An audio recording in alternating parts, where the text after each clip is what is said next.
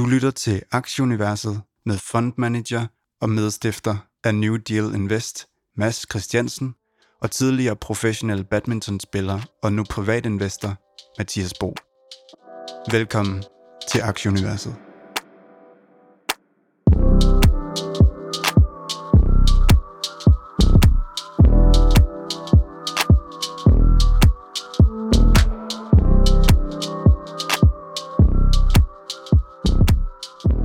Så blev det lørdag, og vi sidder klar til at lave en ny omgang Aktieuniverset. Øhm, det er i dag den 13. november 2021, og vi har pakket piknikkurven med en del regnskaber. Vi skal blandt andet rundt om Gravity, Upstart, Coinbase, for blot at nævne nogle få.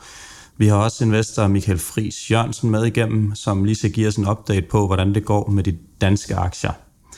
Og dagens podcast er bragt til i samarbejde med Hello Fresh, Bæredygtige måltidskasser lige til døren. Godt for miljøet, godt for helbredet. Generelt set så øh, spiser vi som ras generelt alt for kummerlig mad, og det skal vi faktisk stoppe med. Og godmorgen til dig, Mads. Du får lige lov at starte ud med en øh, brugeranmeldelse af Low Fresh produkter. Ja, godmorgen Mathias, tak. Jamen nu har vi været i gang her øh, i nogle uger med, med Hello Fresh, og det fungerer mega godt. Altså der kommer en kasse med, med de måltider, som, øh, som Line hun har valgt ud, vi skal have i ugens løb. Og så øh, er, er, er hvert måltid er pakket sammen i sådan en pose, så man, man tager ud og lægger direkte i køleskabet. Og så er der en øh, så er der sådan et stykke papir med opskriften. Og det er altså rigtig godt til os mænd, at der lige er sådan, man kan se og sådan noget. Og så er der også en tegning af de råvarer, som man skal bruge, så man kan se, altså hvis man er i tvivl om, hvad en ja, gulerod for eksempel man, er. Ja, præcis, så man ikke ved, hvordan broccoli ser ud. ja, så kan, man, så kan man lige kigge på billedet der og sådan noget, og så er der også sådan lidt, så man kan se de der stykker, man skal skære dem i, altså hvis man er i tvivl om en skive eller en stav eller hvad det er og sådan noget. Så det, det fungerer for mig rigtig, rigtig godt. Øhm, og så går man det igennem, og som, som du var inde på, altså så, så spiser man jo en masse forskelligt, når det er sådan, at, at det er til at gå til. Øh, det er svært for os lige at finde ud af at lave en curry eller, eller et eller andet, men, men når det kommer på den der måde, så, så får man det gjort, og, og børnene de kigger lidt på det, og de spørger netop, skal vi spise broccolien og, og sådan noget, og, og det skal de, og det har de vendt sig til, så det, er, det, det fungerer rigtig, rigtig godt, synes jeg. Jeg er meget glad for at, og netop at få den her øh, den her varierede, de her varierede måltid øh, uge efter uge med, med noget nyt øh, på tapetet. Fordi at, at sådan mit, mit udvalg ind mellem ørerne af forskellige retter, jeg kan lave, det rækker altså ikke, det rækker ikke engang til en uge, øh, før vi skal have det samme igen. Jeg ved ikke, hvordan du har det med sådan noget at øh, jeg er meget enig. Jeg har, jeg har fået, en, jeg har fået en rigtig god salat bare nede i mit lokale supermarked, fordi nu er jeg gået lidt på kur, så der, øh, der ryger en del salat ned for den, men jeg vil da slet ikke vide, hvordan jeg skulle tilberede alle de retter, som de kan komme frem til. Så Hello Fresh har desværre ikke noget i, i Dubai PT, ellers så havde jeg selvfølgelig også ringet og fået bestilt en masse af det. Men øhm, ja, jeg, jeg, jeg kører PT et, et, et, et stort forbrug af, af salatbaren i mit lokale supermarked for at se, om jeg kan tabe lidt på dunken. Det har været en hård sommer. Jeg synes, det er rart at høre, Mathias, at, at du sådan lige, lige passer på. Også fordi, hvis vi en gang imellem skal ud, ligesom vi var her i sidste uge, øh, og, og optræde, så er det rart, hvis du ikke sådan bliver alt for, for choppy at, at se til. Det er nok, at, at jeg trækker gennemsnitsvægten i aktieuniverset op. Det vil så, være... men, det vil være rigtig fedt, hvis jeg fortsat kunne komme ind ad døren, hvis, vi skal, hvis der er nogen, der vil, der, der vil have os ud live igen. ja, men det, det var noget med, at der er, der er en rabatkode til, til folk, øh, der gerne vil prøve, øh, øh, vil prøve, ja, ja. Det er fuldstændig korrekt. Man kan gå ind og skrive rabatkoden aktie, så får man øh, 30% rabat på første og anden kasse, og derefter 10% på tredje og fjerde kasse. Og det her tilbud, det gælder kun nye kunder. Så øh, bare kom ind og få signet op til det, og øh, ja, deltage i mit, uh, mit lille kurprojekt her, hvor vi, hvor vi lige skal smide en, 5 kilo hen over, hen over vinteren efter en, uh, ja, før omtalt rigtig hård sommer med lidt for meget øh, uh, chatox og hvad der dertil hører. Så uh, ja, ind og, uh, og få bestilt noget sund mad. På Hello Fresh. Ja. Godt, Mads. Vi skal, øh, vi skal lidt i gang, og vi starter lige som altid på de overordnede toner, øh, med lige at kigge på indekserne. S&P'en bakker en lille smule 0,3 ned, Dow også ned, øh, minus 0,6, Nasdaq minus 0,7. Øh, DAX i Tyskland oppe 0,25, og C25 øh, er oppe 1,78 procent. Den 10-årige rente er 1,58. Olien lige over 80 US dollar. Og øh, krydset euro-dollar er foråret nede 6% nu. Så nu her om lidt, når vi skal tale om øh, jammerlige gravity, så skal I huske på, at I faktisk kun har tabt øh, 6% mindre ved at være investeret i den øh, kontra holdt, øh, holdt cash i danske kroner. Så det er, jo, det er jo hele tiden det her med at, øh, at, at være positiv, og nu kunne jeg nærmest ikke starte den her udsendelse med at være mere, øh, mere positiv. Så øh, nu kigger jeg på noget, som ikke var helt så positivt i min øh, portefølje, nemlig norsk øh, bakkefrost. Øh, den her økologiske lakseopdrætter her, den drættede altså tilbage med, med 16, eller 14 procent i øh, tirsdag og onsdag efter at have fremlagt et rigtig skuffende øh, tredje kvartals regnskab og en nedjustering af, øh, af forventningerne. Salget det ramte 1,27 milliarder mod 1,30 forventet, så det var ikke så, så slemt driftindtjeningen øh, mål på EBIT var, var, var hvad hedder det, en større skuffelse, og den nåede kun 70 hvad hedder det nu, millioner mod forventet 290, så det er, det er fire gange mindre end, end det, de havde regnet med og de ændrede også forventningerne til årets øh, øh, hvad hedder det nu, høstvolumen fra, fra 96.000 tons, øh, undskyld, til 96.000 tons fra 106.000 tons. Og der har, der har været en del, del udfordringer på det her biologiske lakseforbrug. Øh, forventningerne for 22 er øh, 103.000 tons. Og man kan sige, for en ret stabil aktie, så, så er det godt nok voldsomt, at den sætter sig 14 procent. Det, er, det er stadigvæk gjort det fremragende, der er stadig med i fremtid, og jeg spiser godt nok meget laks, men, øh, men, men det, er selvfølgelig, det er selvfølgelig klart, at en aktie, som, som, som sætter sig så meget, det, det er ikke optimalt, så der bliver man selvfølgelig lige nødt til at prøve at gå ind og at kigge, om, om det kan, kan have sin, øh, sin rigtighed, at, at, øh, ja, at den her aktie skal falde så meget. Øh, jeg ved det ikke lige helt endnu. Jeg har ikke kommet i bund nok med til at kunne vurdere, om, om jeg fortsat skal have den. Det tror jeg nu umiddelbart, jeg skal, for jeg tror nok, at, at det her øh, udfordringer skal, skal høstes, så jeg tror, at, eller løses, og jeg tror, at, at fremtiden er rimelig lys for, for, for fisk generelt set, og specielt laks, som jo nok er nummer, vores nummer et øh, foretrukne fiskeret. Jeg tænker, at, altså, jamen, det er jo virkelig med at skille om, om den langsigtede case for Bakkerfrost er, er, er forandret. Øh, eller ej. Altså hvis det her det er et dårligt kvartal, hvis der er et eller andet, der har drillet eller, eller, eller noget, altså, så er det jo måske snarere en, en købsmulighed. Øh, og så, så har man i igen kun problem, hvis man har haft for stor en position, som man ikke har lyst til at, at købe mindre øh, på det her. Så, så man må prøve at skille ad, om, om, om historien er ændret, eller om, eller om det bare er en, en midlertidig øh, driftsproblematik. Og jeg, som, som jeg også har nævnt tidligere, en af dem, der er rigtig dygtig på laks, det er Helle øh, Larsen inden for ProInvestor, så der kan man jo selv gå ind på, på hans side og se, hvad, hvad, hvad han siger om det, og hvem han ellers følger øh, primært i Norge, som, som har meget godt styr på det her, om, om de synes, det var, det var en fejl, eller at, at det rent faktisk var retfærdigt. Øhm, Mads, vi bliver lige lidt i Norge, fordi du har læst en spændende artikel om Kahoot fra en af founderne. Kan du lige gøre os lidt øh, klogere på det?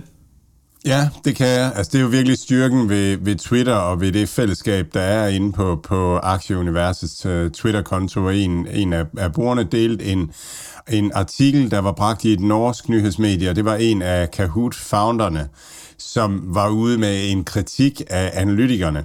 Og det han øh, basically skriver, det er, at, at meget af det, han ser analytikerne skrive om Kahoot, det er faktisk sådan øh, semi-misforstået samtidig omkring, omkring, hvad skal man sige, omkring kerneproduktet og omkring øh, konklusionerne på, på de dispositioner, man laver i Kahoot.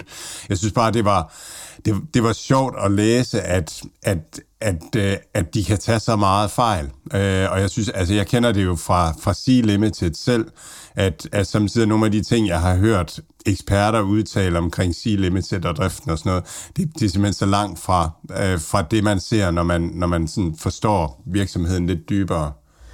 Ja, altså man kan sige, at aktiemæssigt har den jo haft det svært, men når som om den sådan lidt teknisk har, har fundet en bund i det her niveau, og havde også en, en, en god øh, dag i går, mener jeg, det var op en, en 4-5 procent. Så det er altid spændende. Øh, en aktie, jeg personligt har solgt lidt ud af, i og med, at jeg har ændret min strategi lidt fra og, og komme, se om jeg kan komme væk ud af nogle af de her lidt mindre selskaber og komme over i nogle af de større. Men øh, ja, umiddelbart her, så, så har man i hvert fald ikke samme, samme risiko, som, som man havde tidligere ved at kaste over den. Så øh, ja, der kan man lige holde lidt øje med, hvordan det ser ud et sted, hvor jeg bestemt ikke synes, man skal, øh, man skal hvad nu, være forsigtig, øh, og det er noget, vi ikke lige har snakket om et stykke tid her, det er den her ETF, øh, ETF undskyld ikke ETF, ETF, der hedder INRG, den her Clean Energy. Og øh, efter en rigtig dum start på Q1, hvor, øh, hvor, den, hvor den trillede der nedad, hvor, hvor de her aktier, blandt andet Vestas og sådan noget, var, var, ufattelig, var ufattelig dyre, der, øh, der har den klaret det rigtig godt, og egentlig faktisk de sidste 6 måneder rullet 26 procent op. Øhm, og ved godt, at at sådan en ETF her, det, det er næsten kedeligere end en vild, øh, en vild med dans, men, men det er altså en, en unik investeringsmulighed at satse på den her grønne omstilling. Så der, der tror jeg altså roligt, I kan, I kan købe løs og, og blive eksponeret den her vej nu her, når, når vi får Michael med, så øh, han er også rigtig godt inde i, i den her grønne omstilling, og, øh, og der, det, der hører vi selvfølgelig lige hans tæk på det, og jeg kan sige, nu har jeg faktisk været lidt kulturelt hernede i Dubai, for at det ikke skal være løgn, og været en tur på Expo, og det, som alle lande udstiller, det, det, det er nærmest bare øh, luftbygninger med, med kun fokus på, øh, på træer og omstilling og alt muligt andet, så vi snakker meget om det, men der, der bliver altså også gjort noget, og det er sådan lidt ligesom den profil, som rigtig mange lande gerne vil have. Det der med, at man, man satser på det, på det grønne. Så øh, jeg, jeg, jeg, tror, jeg tror personligt også på, at det er en unik mulighed, men om man skal gætte på, om det bliver... Øh, sol, vand eller øh, måneenergi, der, der for alvor slår igennem, det tror jeg, man skal være lidt forsigtig med. Det skal jeg i hvert fald ikke ud og, og bette alt for meget på. Derfor vil jeg bare hellere tage den her øh, kedelige øh, ETF, som bare øh, jeg ja, stille og roligt tøffer derud af. Jeg synes, du sagde måneenergi, og hvis, hvis du virkelig sagde det, så tror jeg, det er ret vigtigt, at du ikke selv begynder at stockpicke inden for det her, øh, Mathias, fordi det, det, det, lyder ikke, det lyder ikke som om, at, at du lige er helt skarp på det. Men, men, men øh, men, men hvis jeg skal skubbe tilbage sådan lige på den der med den grønne omstilling, så, så er det i hvert fald, at, at grøn omstilling, øh, altså øh, det at skifte til grøn omstilling, det kræver energi, og det kræver råmaterialer og råvarer og sådan nogle ting. Det kræver intakte forsyningskæder, og vi har set Vestas virkelig blive ramt nu her øh, af, at, at de har svært ved lige præcis de her ting her. Så, øh, så, så jeg tænker, at du har fat i en megatrend der på den lange bane, og på den korte bane, der, der kan det godt være, at, at der kan komme lidt støj. Og, og præcis, min pointe var også det her med, tag nu bare noget bredt, fordi der er ingen af os, der ved derude, om det bliver det ene eller det andet, eller det tredje eller fjerde. Derfor så skal man bare være... Og, ja, ja, mål, målenergien, som, som kommer ned og hiver fat og bare suger op. uh, det, det, det, er der ingen, der ved. Så, så kom ud i noget bredt her, så regulerer et indeks efter, når der er nogle af de her spillere, som vokser og bliver store nok, så bliver de taget ind. Um, Coinbase, lad os starte der, uh, Mads. De kom afsted med et lidt dårligt øh, Q3. Tallene de så en lille smule dumme ud. Så, øh, så er det store spørgsmål om et godt Q4 indregnet prisen. Vi startede godt ud med, med diverse kryptovalutaer, som er, som er højere, og jeg ser måske egentlig faktisk godt, at bitcoin kan gå endnu højere op øh, ind mod jul. Så øh, har, har du haft kigget på det? Hvad, øh, hvordan så det ud for, for dig? Ja, øh, det, det har jeg. jeg, jeg det, det, var jo lidt, det kom ud lidt lavere, end analytikerne havde forventet, og, og og udsigterne og sådan noget. Altså, og det, det er jo støj, det, det igen, det her, det skal man se som den der øh, lange øh, grøn omstilling ETF. Det her, det er en, en øh, nærmest en ETF mod øh, Web 3.0 øh, omstilling. Så øh, de, de investerer øh, penge i, i spacet, og de er, de er, både, øh, de er både børs, og de er børsmaler også øh, for, øh, for kryptovalutaerne. Øh, og, og, og der skal man se dem som, altså at det er virksomhederne. ETF er jo en virksomhed, som, som så har en, en coin, hvor man så ender med at have en ejerandel af, af, af Ethereum. Så, så på den måde, så er det en langsigtet trend. Om, om, om analytikerne så synes, at den er lige 10% for dyr eller for billig, det, det tror jeg ikke, man skal bruge så meget krudt på. Jeg tror, jeg tror hvis man sådan prøver at tænke over det, så man prøver at tænke over, hvordan prissætter man egentlig den her øh, mulighed for at, at have den, en af de ledende børser inden for det her space over de næste 10 år. Det er godt nok svært at, at sætte en pris på. Og deres trading volume, den er op med, den er syvdoblet de sidste år. Øh, og de, øh, de assets, de har på platformen, er syvdoblet. Deres omsætning er firedoblet. Antal ansatte er to og en halv. Øh, forskning og udvikling er femdoblet. Altså, så på en eller anden måde, så, så går det da lidt i den rigtige retning. Og sådan, så ja, så øh, jeg er glad øh, aktionær på øh, i Coinbase. Og det er i hvert fald også 100% sikkert, at øh, det, det er ikke den sidste nye bruger, de, øh, de får ind i det her space her. Jo, jo flere af de her uh, sensationshistorier, man hører omkring kryptoen, jo flere løber den her vej, og, og der er den, uh, der er den sidste, sidste person altså ikke kommet ind endnu. Uh, husk på, når I sidder derude, og med det her, det, det, det er super sjovt, og, og som jeg også snakkede om sidst, så, så har jeg købt uh, en af de her uh, meget, meget små coins, men, men vær nu forsigtig derude. Men, men Coinbase bruger jeg selv, virker egentlig som rimelig øh, stabil, rimelig øh, brugervenlig sted, hvor jeg også øh, bare opbevarer min krypto. Jeg, jeg har ikke lagt det min wallet ekstern og noget, det opbevarer jeg derinde og, og føler mig egentlig okay tryg ved det. Så, så det, det virker som om, at, at det er et godt sted at være, i hvert fald sådan lige bare med mit kendskab til det, hvis man, hvis man vil prøve at eksperimentere lidt i det her univers her. Og det tror jeg, der er mange nye brugere, der vil hver gang. Og, og det er klart, at, at jo mere de her priser stiger, ser vi en stigning af bitcoin, som vi har set, øh, ja, her den, den, specielt den sidste måneds tid, jamen så, øh, så kommer der også flere nye brugere. Og man, man kommer også bare til sådan at, at have den der fornemmelse, ej, det her tog, det er simpelthen kørt. Det er, nu er det sten så meget, og det er kørt, men det er det ikke. Altså, vi er bare helt, helt early days, og det, det bliver, det bliver det gennemgående tema for alle de virksomheder, vi kommer til at kigge på i dag, at vi er helt early days, og det, det er det, man hele tiden skal huske. Øhm, selvom at, at podcasten her har kørt i et år, altså så, så, og vi har kigget på de her virksomheder i et år, så er det bare enormt tidligt. Øh, så er der masser tilbage. Et firma, som leverede et rigtig flot regnskab, det var Unity, og den har jo haft øh, en fænomenal aktiekurve de sidste tre uger, øh, og, og oppe 26 procent for, for året. Jeg ved ikke, om du har, har du haft noget at kigge på Unity, Mads? Nej, det har jeg ikke. Min, øh, min sådan two cents om, om Unity, det er, at, at markedet har haft den prissat til noget, der ligner uh, halvdelen af kursen her, uh, inden for, for, nogle, for, nogle, altså for nogle måneder siden bare. Øhm, og, og nu er vi i all-time high igen, og jeg, jeg har måske svært ved at se den her aktie bare fordobles herfra i løbet af det næste år, oven i det her. Øhm, men altså, det, det er jeg er på ingen måde nogen ekspert, øhm, så, så en god strategi, det er bare at lægge lang øh, de næste 10-20 år i Unity, tror jeg. Øhm, men altså, skulle man lægge til her, når den er sten 100%, og, og vi sådan er op på et niveau, hvor, hvor, hvor man tidligere i hvert fald har ville sende aktien 50% ned øh, fra det her niveau, så tror jeg måske, man lige skal, lige skal sidde på hænderne lidt, og så, så måske være glad for det, man har, og så vente på, at den falder tilbage, inden man supplerer. Har, har du selv Unity? Øhm, ikke, nej, jeg har den ikke. Okay. DoorDash køber øh, finsk øh, Volt i, øh, i starten af ugen og levere et fænomenalt regnskab, op 24% for ugen. Og jeg arrangerer i øjeblikket en badminton camp i Dubai. Det er jo ikke så meget det, jeg vil reklamere for, men den forbindelse, det sted, hvor jeg laver badminton campen, det er ejet af en, øh, en hvad hedder nu, et founder eller managing director af øh, den investeringsfond, der hedder DSL, tror jeg den hedder.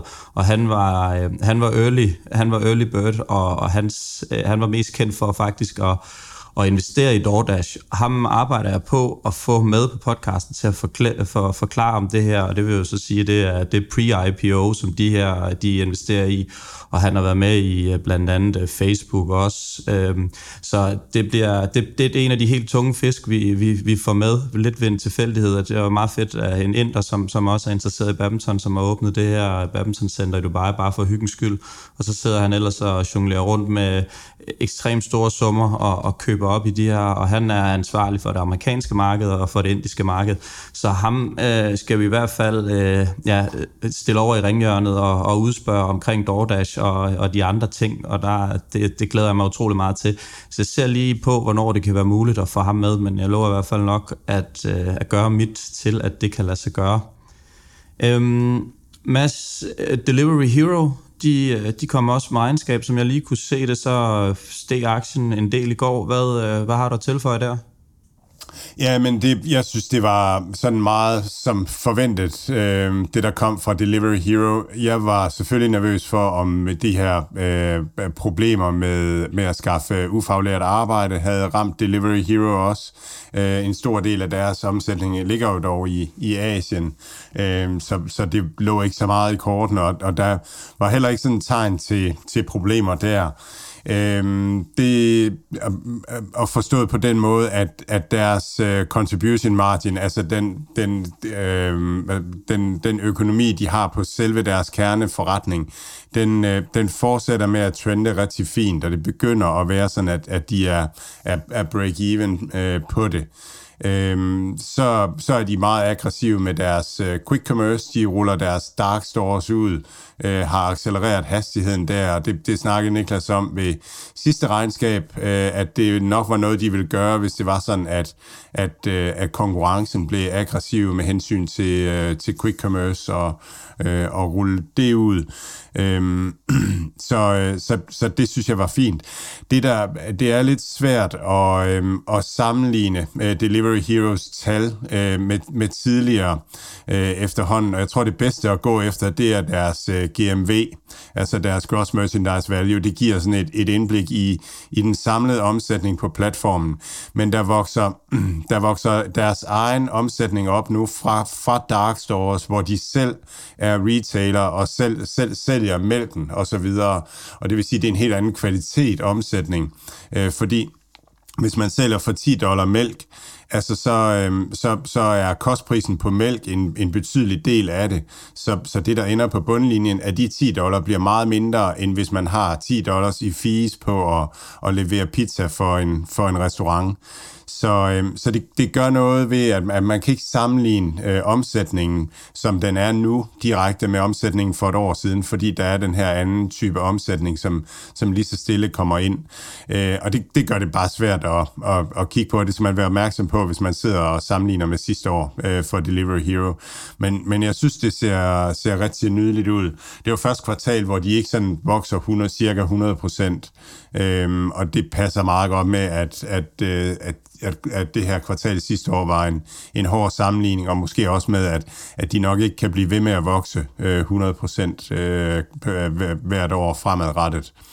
Så jeg synes, den har stået stille længe kursmæssigt, og jeg synes, det, er, øh, jeg synes, det virker øh, vældig interessant. Det virker som om, at, at de tror på det, de gør, og de vil bare mere af det, de gør, altså quick commerce, den, den retning, de er på vej i.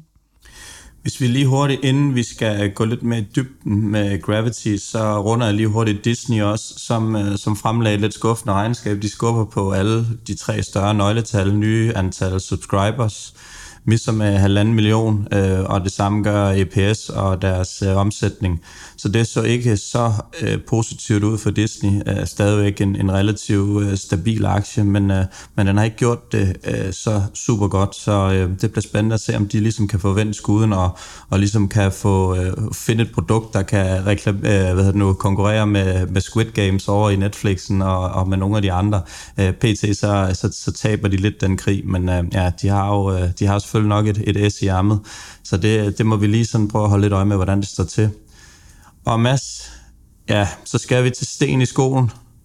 Vi skal til øh, den tyk pige på dansegulvet. Gravity. ja, og ja. ja.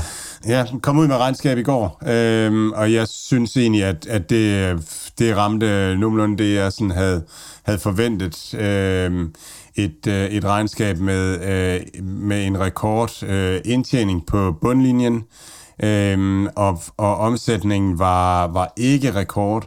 Og og det afhænger af, hvordan, hvordan Gravity afregner øhm, øh, med spillene, øh, med, med de partnere, som, som laver spillene. Så hvis, hvis, Gravity, øh, hvis Gravity booker hele spillets omsætning som, som omsætning i Gravitys regnskab, så, så, så stiger Gravitys øh, omsætning meget.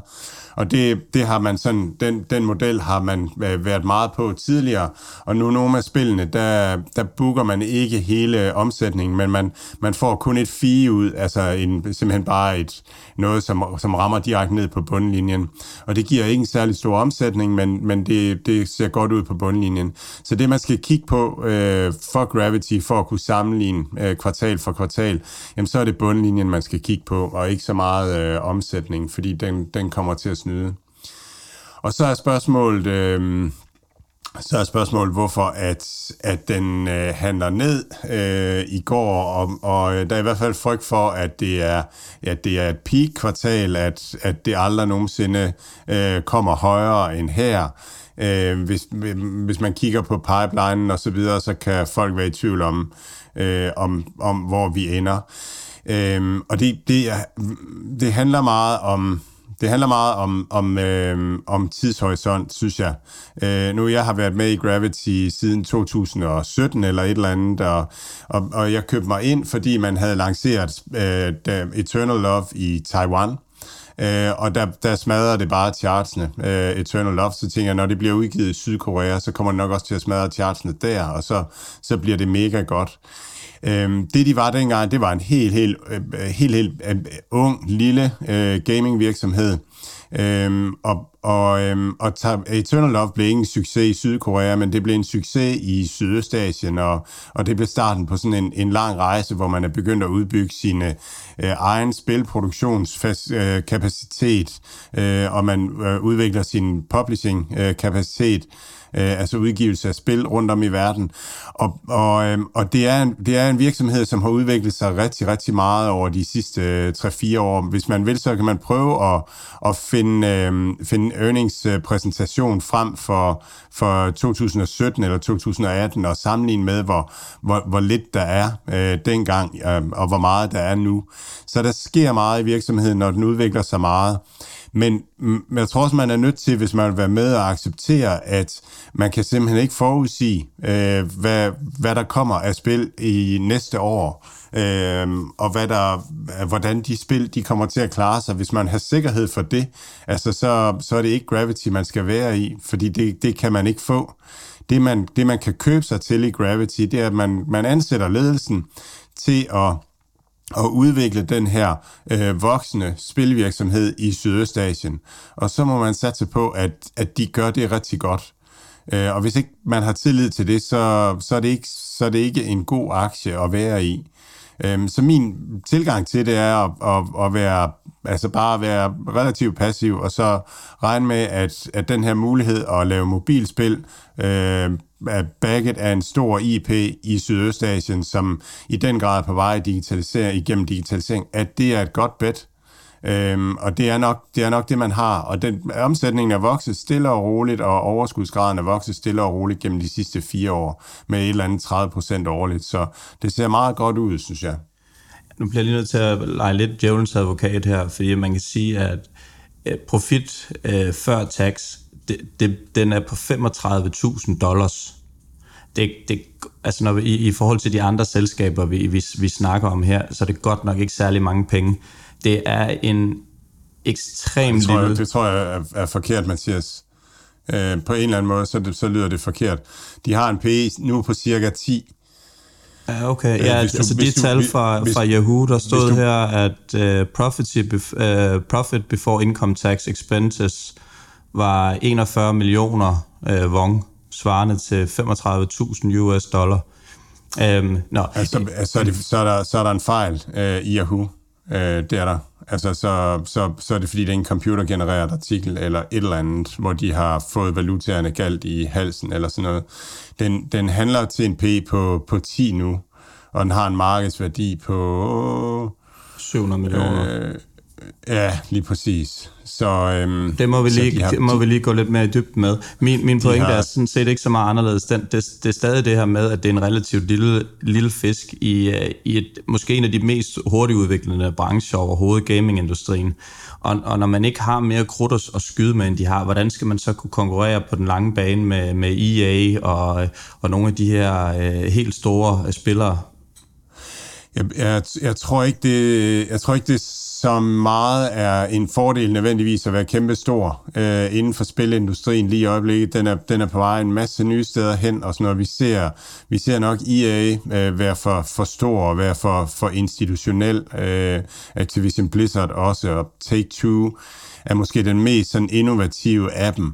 Så, øhm, så jeg er ikke sikker på, at det er en kæmpe fordel at være stor, men, men Gravity er faktisk øh, relativt stor, bare kun i Sydøstasien, med, med en stor IP der, med, med en presence der, som, som nogle af de her virksomheder, som vi snakker om, ikke har derude. Så ja. Ej, jeg skal, lige, jeg skal selvfølgelig rette mig selv. Det, det, det er 22.000 altså med tre nuller ekstra på i deres, i deres uh, profil, ja. så passer det, passer det bedre. Den, den, tager, ja. den tager jeg. Øhm, okay, fair, fair nok. Det var, øh, det var min øh, lørdagsblunder her. Mads, lad os, lad, os øh, komme, øh, lad os lige komme over til øh, TC Limited. Der er noget nyheder der. Ja, det er en, en, en nyhed fra sidste uge. De har startet, de har, de har startet ud med et rejseselskab nu. Øhm, at, at man kan købe rejser på deres platform. Og det, er, det, det var egentlig givet, at, at det måtte komme. Uh, det er jo sådan en kendt historie, at, uh, at Meituan Dianping, uh, som er den kinesiske platform, som, uh, som leverer føde og så videre, de også har kastet sig over rejsebranchen. Det, det lyder fuldstændig vanvittigt. Men det er simpelthen den, det her koncept med, at du har en app, der bliver brugt ofte, hvor folks kreditkort er, er indbetalt og så videre, og så begynder du at konkurrere med en platform, der bliver brugt meget sjældent. Uh, C-Trip, som var den, der, der havde det kinesiske Øh, rejsemarkedet og hotelmarkedet tidligere. Øhm, og, og, og så ender folk med at bruge den, den platform, de bruger ofte og har tillid til. Øh, og derfor så, så var det også oplagt, at Sea Limited øh, også på en eller anden måde skulle begynde at, at kaste sig over det her med, med deres platform. Og, og det bliver bare en af en lang perlerække af forskellige brancher, som, som Sea Limited øh, kommer til at kaste sig over. Og det er det her med, med, med innovation, der skaber optionaliteter osv.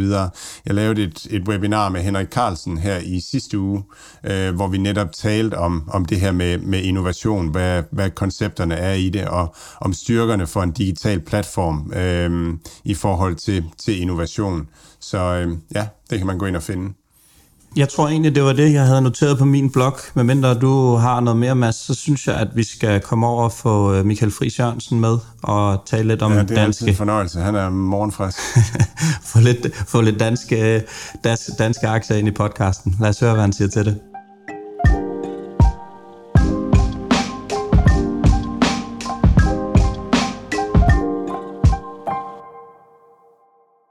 Denne episode af Aktieuniverset er bragt til jer i samarbejde med HelloFresh. Vælg mellem en masse spændende retter og få dem bragt direkte til døren i passende portioner, klar til at tilberede. Brug koden AKTIE ved checkout for at få 30% rabat på de første to kasser og 10% rabat på de næste to kasser. Og som teaser for, så skal vi øh, en tur til København, snakke lidt øh, danske aktier sammen med aktiechef i H.C. Andersen Kapital, øh, Michael Friis Jørgensen, en mand, der ikke øh, normalt set behøves meget præsentation. Øh, det er, det er vandfaldet øh, fra, øh, fra radioen. nu, skal jeg nok være, nu skal jeg nok være sød. Vi skal prøve, vi, skal, vi, vi, vi er op til at prøve at styre dig i dag, og øh, det er allerede ved at gå galt fra starten. Men øh, lad os bare øh, starte med at sige velkommen til dig, Michael, og tusind tak, fordi at du vil være med os i dag. Jeg holder min svar korte. ah, lad, lad os nu se. Lad os nu se. Nå, vi, øh, vi, vi starter med at lige at kigge lidt på øh, regnskabsaktuelle Ambu. Det var jo noget af en, en uh, rushebane, den var i. Det uh, virker som om en, en aktie, som er, er fuldstændig umulig at, at prisfastsætte. Starter 10% ned, da regnskabet bliver præsenteret og slutter 10% op, mener jeg det var for, for dagen. Hvad, hvad, kan du ikke lige starte med at tage sig igennem regnskabet? Hvad er det, der gjorde det så indviklet? Jamen, jeg tror, det var forventningerne til, til næste år, som markedet reagerer på, og, og så er der jo en stor short base, altså der er mange, der spekulerer i negativt uh, nyhedsflow for dem, og så har der stået i år for et år med rigtig mange produktlanceringer og produktgodkendelser, og vi har jo set i 2021, at, at at det er svært. Altså i covid-19, så kan det give lidt problemer. Ikke? Det kan give nogle udskydelser. Ikke? Og det tror jeg, det var der mange, der spekulerer lidt ind i, at de skulle komme efter, og så understøttede guidance, guidance dem det ikke, og så fortsatte der måske nogen med at prøve at, at presse aktien, så gik algoritmerne nok også i gang. Altså det har vi fået på det danske marked, ikke? så sætter du en retning, så bliver du presset ned. Men så indikerede han jo ret hurtigt på telekonferencen, at hans guidance nok var konservativ. Ikke? Det vil sige, godt, han har givet sig rum til at opjustere det er bare et sted, man ikke har lyst til at ligge som, som kort, kortspekulant, altså prøve at spekulere i kursfald, ikke? så bliver man ramt af, af det ikke, og derfor rettede aktien sig så, så, så, så hurtigt, øh, eller så derfor så du den der store bevægelse på dagen, ikke? Øh, så det er sådan lidt forklaring. Selve regnskabet var egentlig okay, udmeldingerne til næste år var okay, deres tidsplan for, øh, du ved, for deres mange produktlanceringer og produktgodkendelser, som, som kommer her i 2022, så egentlig uden nogenlunde til at holde. Så det var ikke, måske ikke selve regnskabet, det var måske mere de spændinger, der var rundt omkring aktien, der ligesom gjorde, at vi kunne så få sådan en bevægelse.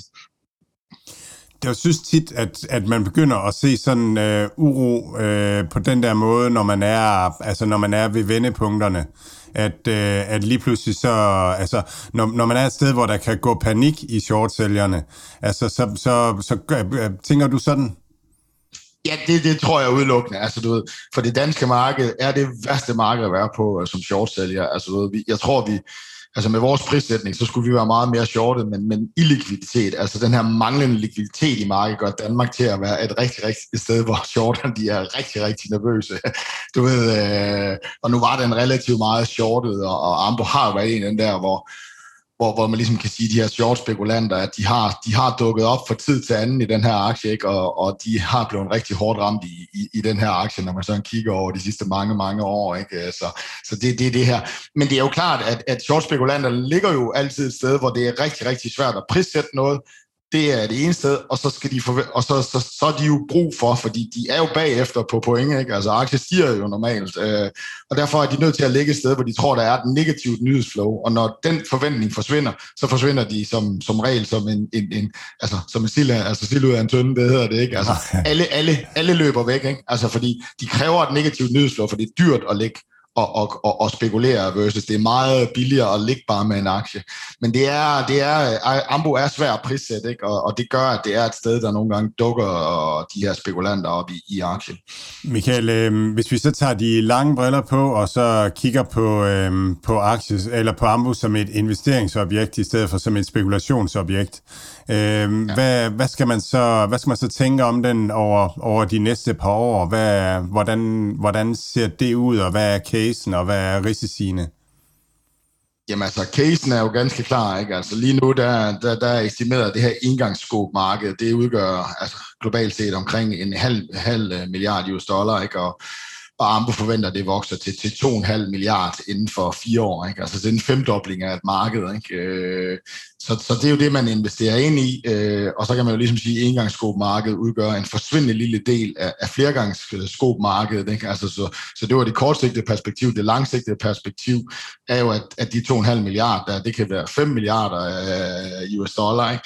Og Ambo har jo meget, meget lille, altså det er jo en relativt lille virksomhed, så, så, så sådan en femdobling af et marked, hvis de formår at blive kategorivinder inden for det her, det vil sige blive markedslederen inden for det her, så er der jo en ganske, ganske klar øh, investeringscase her. Og hvad er risiciene? Jamen det er jo den her, at man som nichespiller får lov til at bide sig ind i et lille marked, øh, eller du ved, øh, gnave sig ind i et, i et kæmpestort marked, det er en kæmpe mulighed for den her lille virksomhed, men, men hvornår begynder de store spillere at reagere og selv flytte sig herind? Og så er Ambo, på trods af, at vi har givet det en værdisætning på jo omkring 50 milliarder, og øh, jeg kan ikke lige huske det præcise tal, er jo ikke en virksomhed, der tjener uanede mængder af penge. Det vil sige, det går jo, at vi som aktiemarked har givet en kæmpe værdisætning, øh, men de har ikke uanede mængder, hvis nogle af de store spillere på det flergangsskomarked begynder at vil konkurrere ind i markedet, så har de jo kun Tesla-modellen tilbage at sige, at aktiemarkedet har givet dem en, øh, en kæmpe værdisætning, så må de jo hente nogle penge til at gøre det,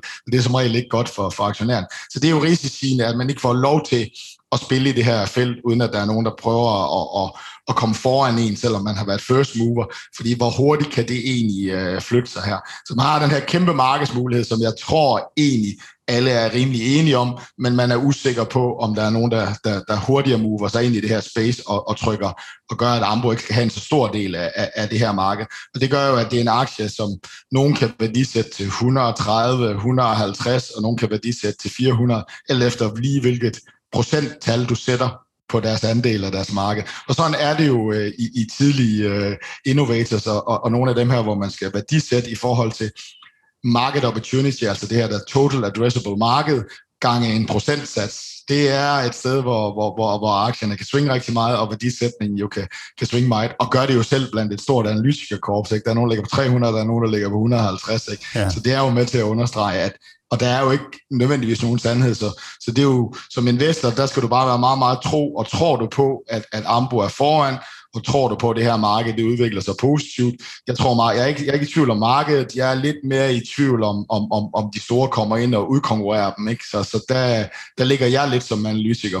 Lad os lige uh, snakke om det der med, med de store, fordi altså, som du siger, så er det jo det, det, vi skal, det, vi skal prøve at regne på, det er sandsynligheden øh, for, at, at Ambu lykkes med det her. Og der er sådan, altså der er, der er, du, du taler om nogle ting, du taler om det her med at være first mover, Øh, og så taler du om det her med de store, om, om de giver lov, og jeg synes, det hører jeg også tit inden for det tech, jeg kigger på, at, at der er den her med, at når de har så så store lommer, øh, dem her, så de, de tager bare markedet, når det er. Øh, og, og, og der synes jeg, samtidig så er der, den ene, det er det her med, er, er Ambo foran teknologisk, og har de, har de et eller andet, som, som bare er sværere, end man lige tænker, altså at, at Olympus bare kan med nogle store lommer kan gøre det samme, så det tror jeg er den ene ting. Og så den anden ting, det er det der med forretningsmodellerne, der er det her counter-positioning øh, begreb, om, om, om Olympus kan ændre sin, nu, jeg ved faktisk ikke, om det er Olympus, der er en af konkurrenterne, men, det det. men om, om de kan ændre deres øh, forretningsmodel til engangsskober, eller om de er afhængige af flergangsskober. Vil du prøve at tale lidt om det? de er, jo, de er jo super afhængige af det. Ikke? Altså, det er jo en mastodont. Altså, det er jo, det er jo tesen om, at hvornår gider de at gøre det? Altså, vil de move sig ind og, og flytte sig? Jamen, altså, lad os prøve at komme foran. Teknologisk synes jeg, det er lidt hårdt, ikke? fordi det er jo, det er jo, det er jo en samling af, af forskellige teknologier derude, som man samler til et produkt, og så godkender det. Så tidsmæssigt er de foran, fordi at, at man har jo en, en, en tidsmæssig proces, fordi vi er jo inden for, for, for medicinsk udstyr, det vil sige, der er en godkendelsesproces, der er en sammensætning af det her, men det er ikke sådan, at du ved, at Ambo har opfundet det der kamera, der gør, at, man kan, at det er billigt nok at lave engangsskåber. Altså så, så teknologisk er jeg lidt mere i tvivl om, du ved, at, at det er det der, fordi at jeg vil ikke kalde det en samlefabrik, for selvfølgelig indgår der mere i, i, i, i det her. Så teknologisk synes jeg, det, der, der, der, der, der, der kan man ikke, der, der er det svært at snakke om tidsmæssigt, fordi man jo er first mover, og i en medicinsk verden giver det der måske to til tre år, ikke? fordi at der skal godkendelsesprocedurer, der skal, der skal, det skal aftestes, det skal afprøves. Ikke? Øh Øh, så det er et af, et af problemerne. Øh, og så er det jo selvfølgelig det her med, øh, med at den gamle verden har delvis beskyttelse og også noget, du vil kende, fordi at der er en infrastruktur, som den skal passe ind i, og det er jo blandt andet sådan noget med skærme og, og sådan nogle ting. Ikke? Altså der er sådan nogle helt basale ting. Så teknologisk er jeg ikke så sikker på det, øh, men, men tidsmæssigt, og tidsmæssigt kan jo være sådan set være væsentligt nok, altså fordi det får jo gør, at du i den her verden får opbygget et forhold til, til lægerne. Så jeg er, det, det er derfor, at, at, at jeg ikke, så, altså man kan dele den op i markedsmæssig usikkerhed, der er jeg sikker på, at engangsskoberne er på vej til at, at, at nok nå det her markedspotentiale, som Ambo indikerer med de her to, to og en halv, for der er så mange evidens for, at, at, at smitterisikoen og, og hvor dyrt det egentlig er for smittede patienter øh, er stor nok, men jeg er lidt mere i tvivl om, du kan sige, Ambus øh, markedsandel, altså du ved, hvor, hvor, hvor, hvor store bliver de. Og det, er, det, er det, der, det er sådan, jeg sidder og kigger lidt på casen, øh, men sådan, hvor den ligger henne i forhold til mulighederne, så synes jeg egentlig ikke, den ligger et forfærdeligt sted. Sådan, du ved. Øh, jeg elskede at købe den i 130. Øh, her der er jeg sådan lidt mere, hmm, men der er stadigvæk en god opside, hvis de lykkes. Ikke? Så, så det, er ikke, det er ikke sådan, at du fuldstændig har købt dig ind i, at det skal bare lykkes. Altså, du ved. Så du ligger et nogenlunde sted, sted som aktionær til at tage med på rejsen i den værdiskabelse, der er potentielt i det udfaldsrum, som jeg ligesom er jo kæmpestort inde i, i aktien i, i, i, i min optik i, i Ambo. Så hvis jeg var meget mere sikker på, at, du ved, at de vil stay, altså vil, vil forblive i front, jamen så, så var jeg måske sådan meget mere en, en, en, en køber i, i, i aktien. Michael, jeg vil gerne lige vende tilbage til det her med shortet, et koncept, som jeg tror, de fleste lytter efterhånden er med på. Ja. Øhm, så det er sådan mere generelt øh, spørgsmål til dig. Der er jo nogen, der elsker, når en aktie er shortet, øh, som ser det som en kæmpe mulighed, men der er også andre, der, der går ind og, og bevidst vælger aktier fra, fordi de kan se, at short-positionerne er høje. Hvordan bruger du det her redskab, eller bruger du det overhovedet? Kan du sætte på over på det? Øh, ja, jeg bruger det. Øh, når jeg kan se, at, når jeg kan se short-positionerne, altså du ved, hvis det er aktier, som du ved, jeg ikke er, er, hvis det ikke ligger i den her øh, min øh, fuldstændig øh, ja, conviction, conviction portefølje, altså jeg siger, I don't fucking care, altså du ved, så vil jeg sige, at når shorterne begynder at bevæge sig op i en aktie, så ignorerer jeg det ikke, fordi at du, det der med ikke at pisse i modvind. To, jeg, mit, jeg, jeg, jeg, du ved, jeg får lige den der med, fordi det er jo det her, vi som, er, som, som mange gange som aktionærer har, det er den her bias, vi kan kun se de positive ting. Det gør mig, at, oh, skal jeg lige prøve at finde ud af, hvad short casen er. Så det er det, jeg bruger det til. Når den så er shortet, og du ved, at det har stabiliseret sig, og der er en høj short base, så, så kan jeg jo godt lide det, fordi det jeg jo prøver, det er jo via mine sådan, vurderinger af en ting, og prøve at finde nogle, nogle, nogle ubalancer i markedet, hvor jeg mener, at, at, at, du ved, at, at der er nogle muligheder, hvis jeg bare hvis jeg har vilje nok til at tage udsvingene, altså volatiliteten, som der helt klart kommer i sådan en aktie, men at, at jeg tror på den på den lange bane, så kan jeg jo godt lide det, fordi øh, de her spekulanter, de kommer jo også til at skabe større ubalancer. Ikke? De er jo de her ulvekobbel, der skal tjene nogle penge på kort tid, og det vil sige, de ønsker jo at presse aktien meget, meget længere ned og få pendul til at svinge helt i den forkerte retning. Så kan jeg sådan set godt lide det. Men når de begynder at bevæge sig ind i en aktie, så, så, så, så, så får det mig i hvert fald lige til at sige, åh, oh, skal jeg prøve at høre mere på andre, der siger, at det her det ikke er en god virksomhed, end at have den den der totale overbevisning. Så det er den måde, jeg bruger den på. Man kan jo sådan set godt lide dem i den sidste ende, for jeg elsker jo ubalancer, fordi at jeg tror jo, at det, det som private de kan vinde på, det er at holde aktier med stor udsving, fordi det kan de professionelle ikke. Så det her, jeg kan slå markedet som en lille privat investor, hvis jeg får ret. Ja, jeg er helt enig med dig. Altså, det, som du sagde også tidligere, at, at, øh, at shorterne de løber en kæmpe risiko. Altså, fordi øh, deres, deres downside, altså at aktien bevæger sig op, den er jo kæmpestor. Så, så jeg synes tit, at shorternes tese er, er, er ret skarp, og i hvert fald øh, værd, værd at lytte til, fordi de bevæger sig virkelig i et, i et, et spil. Øh, de de øh, tisser i modvind, for at sige det øh, pænt, som, som du sagde, øh, Michael.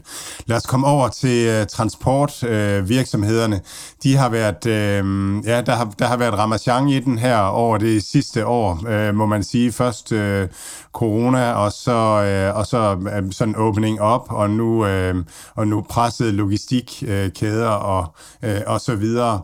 Øh, vil, du, øh, vil du prøve at sige noget generelt om DSV og Mærsk og, og det her, hvor du ser det her space bevæge sig henad?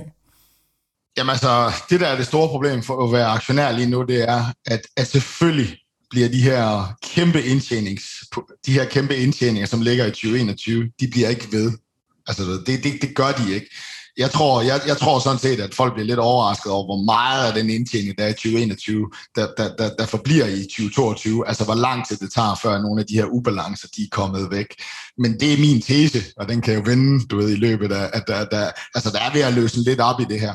Så, så det er jo det første, du møder ind som, som, som investor, og det er sådan lidt... Øh, det er jo lidt ligesom nogle af de her corona-vindere, som vi har set inden for tech-spacet, ikke? som jo egentlig godt kan være langsigtede venner og fine, og egentlig har en fin indtjening, men når markedet, når markedet først ser, at du ved, ting, der begynder at vende lidt, så reagerer de. Så det er en af de udfordringer, du står overfor, ikke? Som, som, som, som investor i, i det her. Ikke? Øh, så det, det, det, det, det er den ene ting, som, som, som er der. For de her ubalancer, de skaber enorme indtjeningsmuligheder i de her selskaber, ikke? for det er det, de lever af.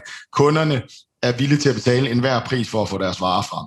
Så det er det, du er investeret ind i. Så det, du lige skal passe på, det er at kigge, hvor dyrt hvordan er det her prissat? i både Mærsk og DSV og alle de her steder, ikke? er det udelukkende det, der er tesen i de her aktier? Det er det ikke. Altså, du ved, øh, Mærsk er ved at konvertere sig fra, en, fra det, der hedder en spot-spiller, altså du ved, når spotraterne er 2.000, så, så taber de penge, når spotraterne de er 6.000, så, taber det, så tjener de uanede mængder af penge. De er ved at, at level sig ud ved at gå ind i forlade spotmarkedet og gå på lange, store kontrakter med kunder og selv skabe et spotmarked via deres øh, teknologiske udvikling. Det misser folk og kan ikke se det lige nu. Det er det, der er interessant i Mærsk. Øh, og i DSV, jamen, der er, der er den høje prissætning, som mange tror, jeg, jeg, jeg tror tilfalder det her, de her meget, meget store indtjeningsmuligheder, der er. DSV vil jo stadig ikke fortsætte med at have synergier næste år, der kan modsvare, de, de ikke skal tjene så mange penge på et ubalance transportmarked. Og så den høje prissætning i DSV er jo fordi, at de formår hele tiden at købe op og skabe enorme gevinster der. Så det er sådan lidt min, øh, min, min, min, min tanker omkring det her. Men du kan der er en risiko for, at du går, selvfølgelig går ind i 2022 som investor her, hvor, hvor du får et af de her mellemår, eller et af de her svære år, fordi at indtjeningen er så blæst op, og den ikke bliver herovre. Det er egentlig ikke måske værdisat i aktiemarkedet, men, men man ved godt, at momentum og indtjeningsfremgang og så videre, og det lige pludselig går tilbage, det kan få pendul til at svinge i, i mere i den forkerte retning. Så det er din udfordring på den korte bane. På den lange bane, jamen der står vi jo egentlig nok med en Mærs, der er ved at være transformeret til et mere investerbart objekt, og DSV, som jo altid eksekverer på deres opkøb og skaber en enorm værdiskabelse der, og derfor har en relativt høj prissætning i forhold til alle mulige andre. Og det billede er, bør nok ikke egentlig ændre sig i fremtiden. Så, så langsigtet er du egentlig øh, rimelig positiv på, på dem begge to øh, fra de her kursniveauer, men, men kortsigtet er du sådan, øh, er du, øh, ser du en, en, en, øh, en vis øh, risiko. Jeg kan godt lige sådan at tænke et step frem, og så tænke, altså hvis man nu har investeret i de her øh, virksomheder, og de så sætter sig, Øh, kan man næste år på forventning om det, du taler om, at, at, øh, at fragtraterne kommer lidt ned og sådan noget, vil, vil du så mene, at man kunne være tryg i dem øh, i den situation, eller er der nogle bear cases, som man alligevel skal have øjnene op for? Jamen altså, altså hos Mærs, der er det jo selvfølgelig, at de ikke lykkes med at, at skabe en virksomhed, som er investerbar, altså du ved, på, du ved, at den ikke skal svinge så meget. De vil jo skabe et, du kan sige sådan en, en, en strukturel investeringscase, hvor de flytter flere og flere med over på deres landstransportside, som, som, som, som har en høj værdisætning og mindre ud af, og så vil de flytte forretningen over og blive den her, du ved, at de, de helt elendige år stadigvæk tjener rimelige penge, og i de gode år tjener ikke lige så godt, men, men mere, altså den her stabile. Så det kan jo selvfølgelig gå galt, men, men det er noget, der er værd at følge, fordi, fordi at er der noget, corona har skabt, så er det jo muligheder for at fylde penge på lommen øh, for Mærs til at eksekvere på den her strategi, og egentlig få flyttet de her kunder over i det her segment, fordi at, at ah, skal vi nu også? Det spotmarked, var der dejligt for os, du ved, øh, lige pludselig kan de ikke få transporteret varerne, så, så jeg synes, de har et godt udgangspunkt, så jeg er der, og i DSV, der skal, du holde lidt, der skal du holde lidt øje med, om der er flere, du ved, der flytter sig over på Mærsk model af de her store transportører, de bruger rundt omkring i verden, fordi det er jo det, de DSV har kunne spille i, det her med at flytte rundt mellem kunderne og få gode priser og, og tjene på, på differencen, så jo mere der flytter sig derover af, af de store kunder. Ikke? Og, og der så vi jo det her trekantsdrama, ikke? hvor Mærsk vandt Vestas for DSV. Ikke? Mm. Altså nogen, der skal over have sikkerhed for deres transport. Du ved, om, altså lige nu en stor kunde, øh, som bliver tabt. Ikke? Øh, så den bevægelse skal man lige holde øje med i DSV. Altså i 30 år, der har folk jo kaldt, at DSV ikke du ved, kan, kan, kan blive ved med at købe op, øh, få gode synergier ud af det, er alt for dyrt. Ikke? Og i 30 år, så er man jo bare blevet øh, fattig af at sælge, altså du ved, ikke at holde aktien. Ikke? Det, øh, jeg ser ikke det her år. Og så rigtig langt ude, og nu kommer vi ind i din verden, så er det jo der Uber of Trucks, altså du ved, kan teknologi overhale DSV, kan man jo skabe et transportnetværk via kunstig intelligens, der fylder lastbilerne bedre op, men, og lastbilchaufførerne i USA prøver at skaffe en bedre indtjening for de lastbiler, som måske står tomme, og det har jo ikke været i fem år, så der har ikke været nogen, der kan bygge den her forretningsmodel op, men i realiteten at teknologi er det en nede i en kælder, laver noget bedre end DSV's netværksløsning, og det er også det en case, jeg har talt om i fem år, og den er overhovedet ikke udmyndtet sig. Men der er nogle enkelte amerikanske aktier, der er begyndt at gå på børsen, du ved, der prøver at bygge den her model.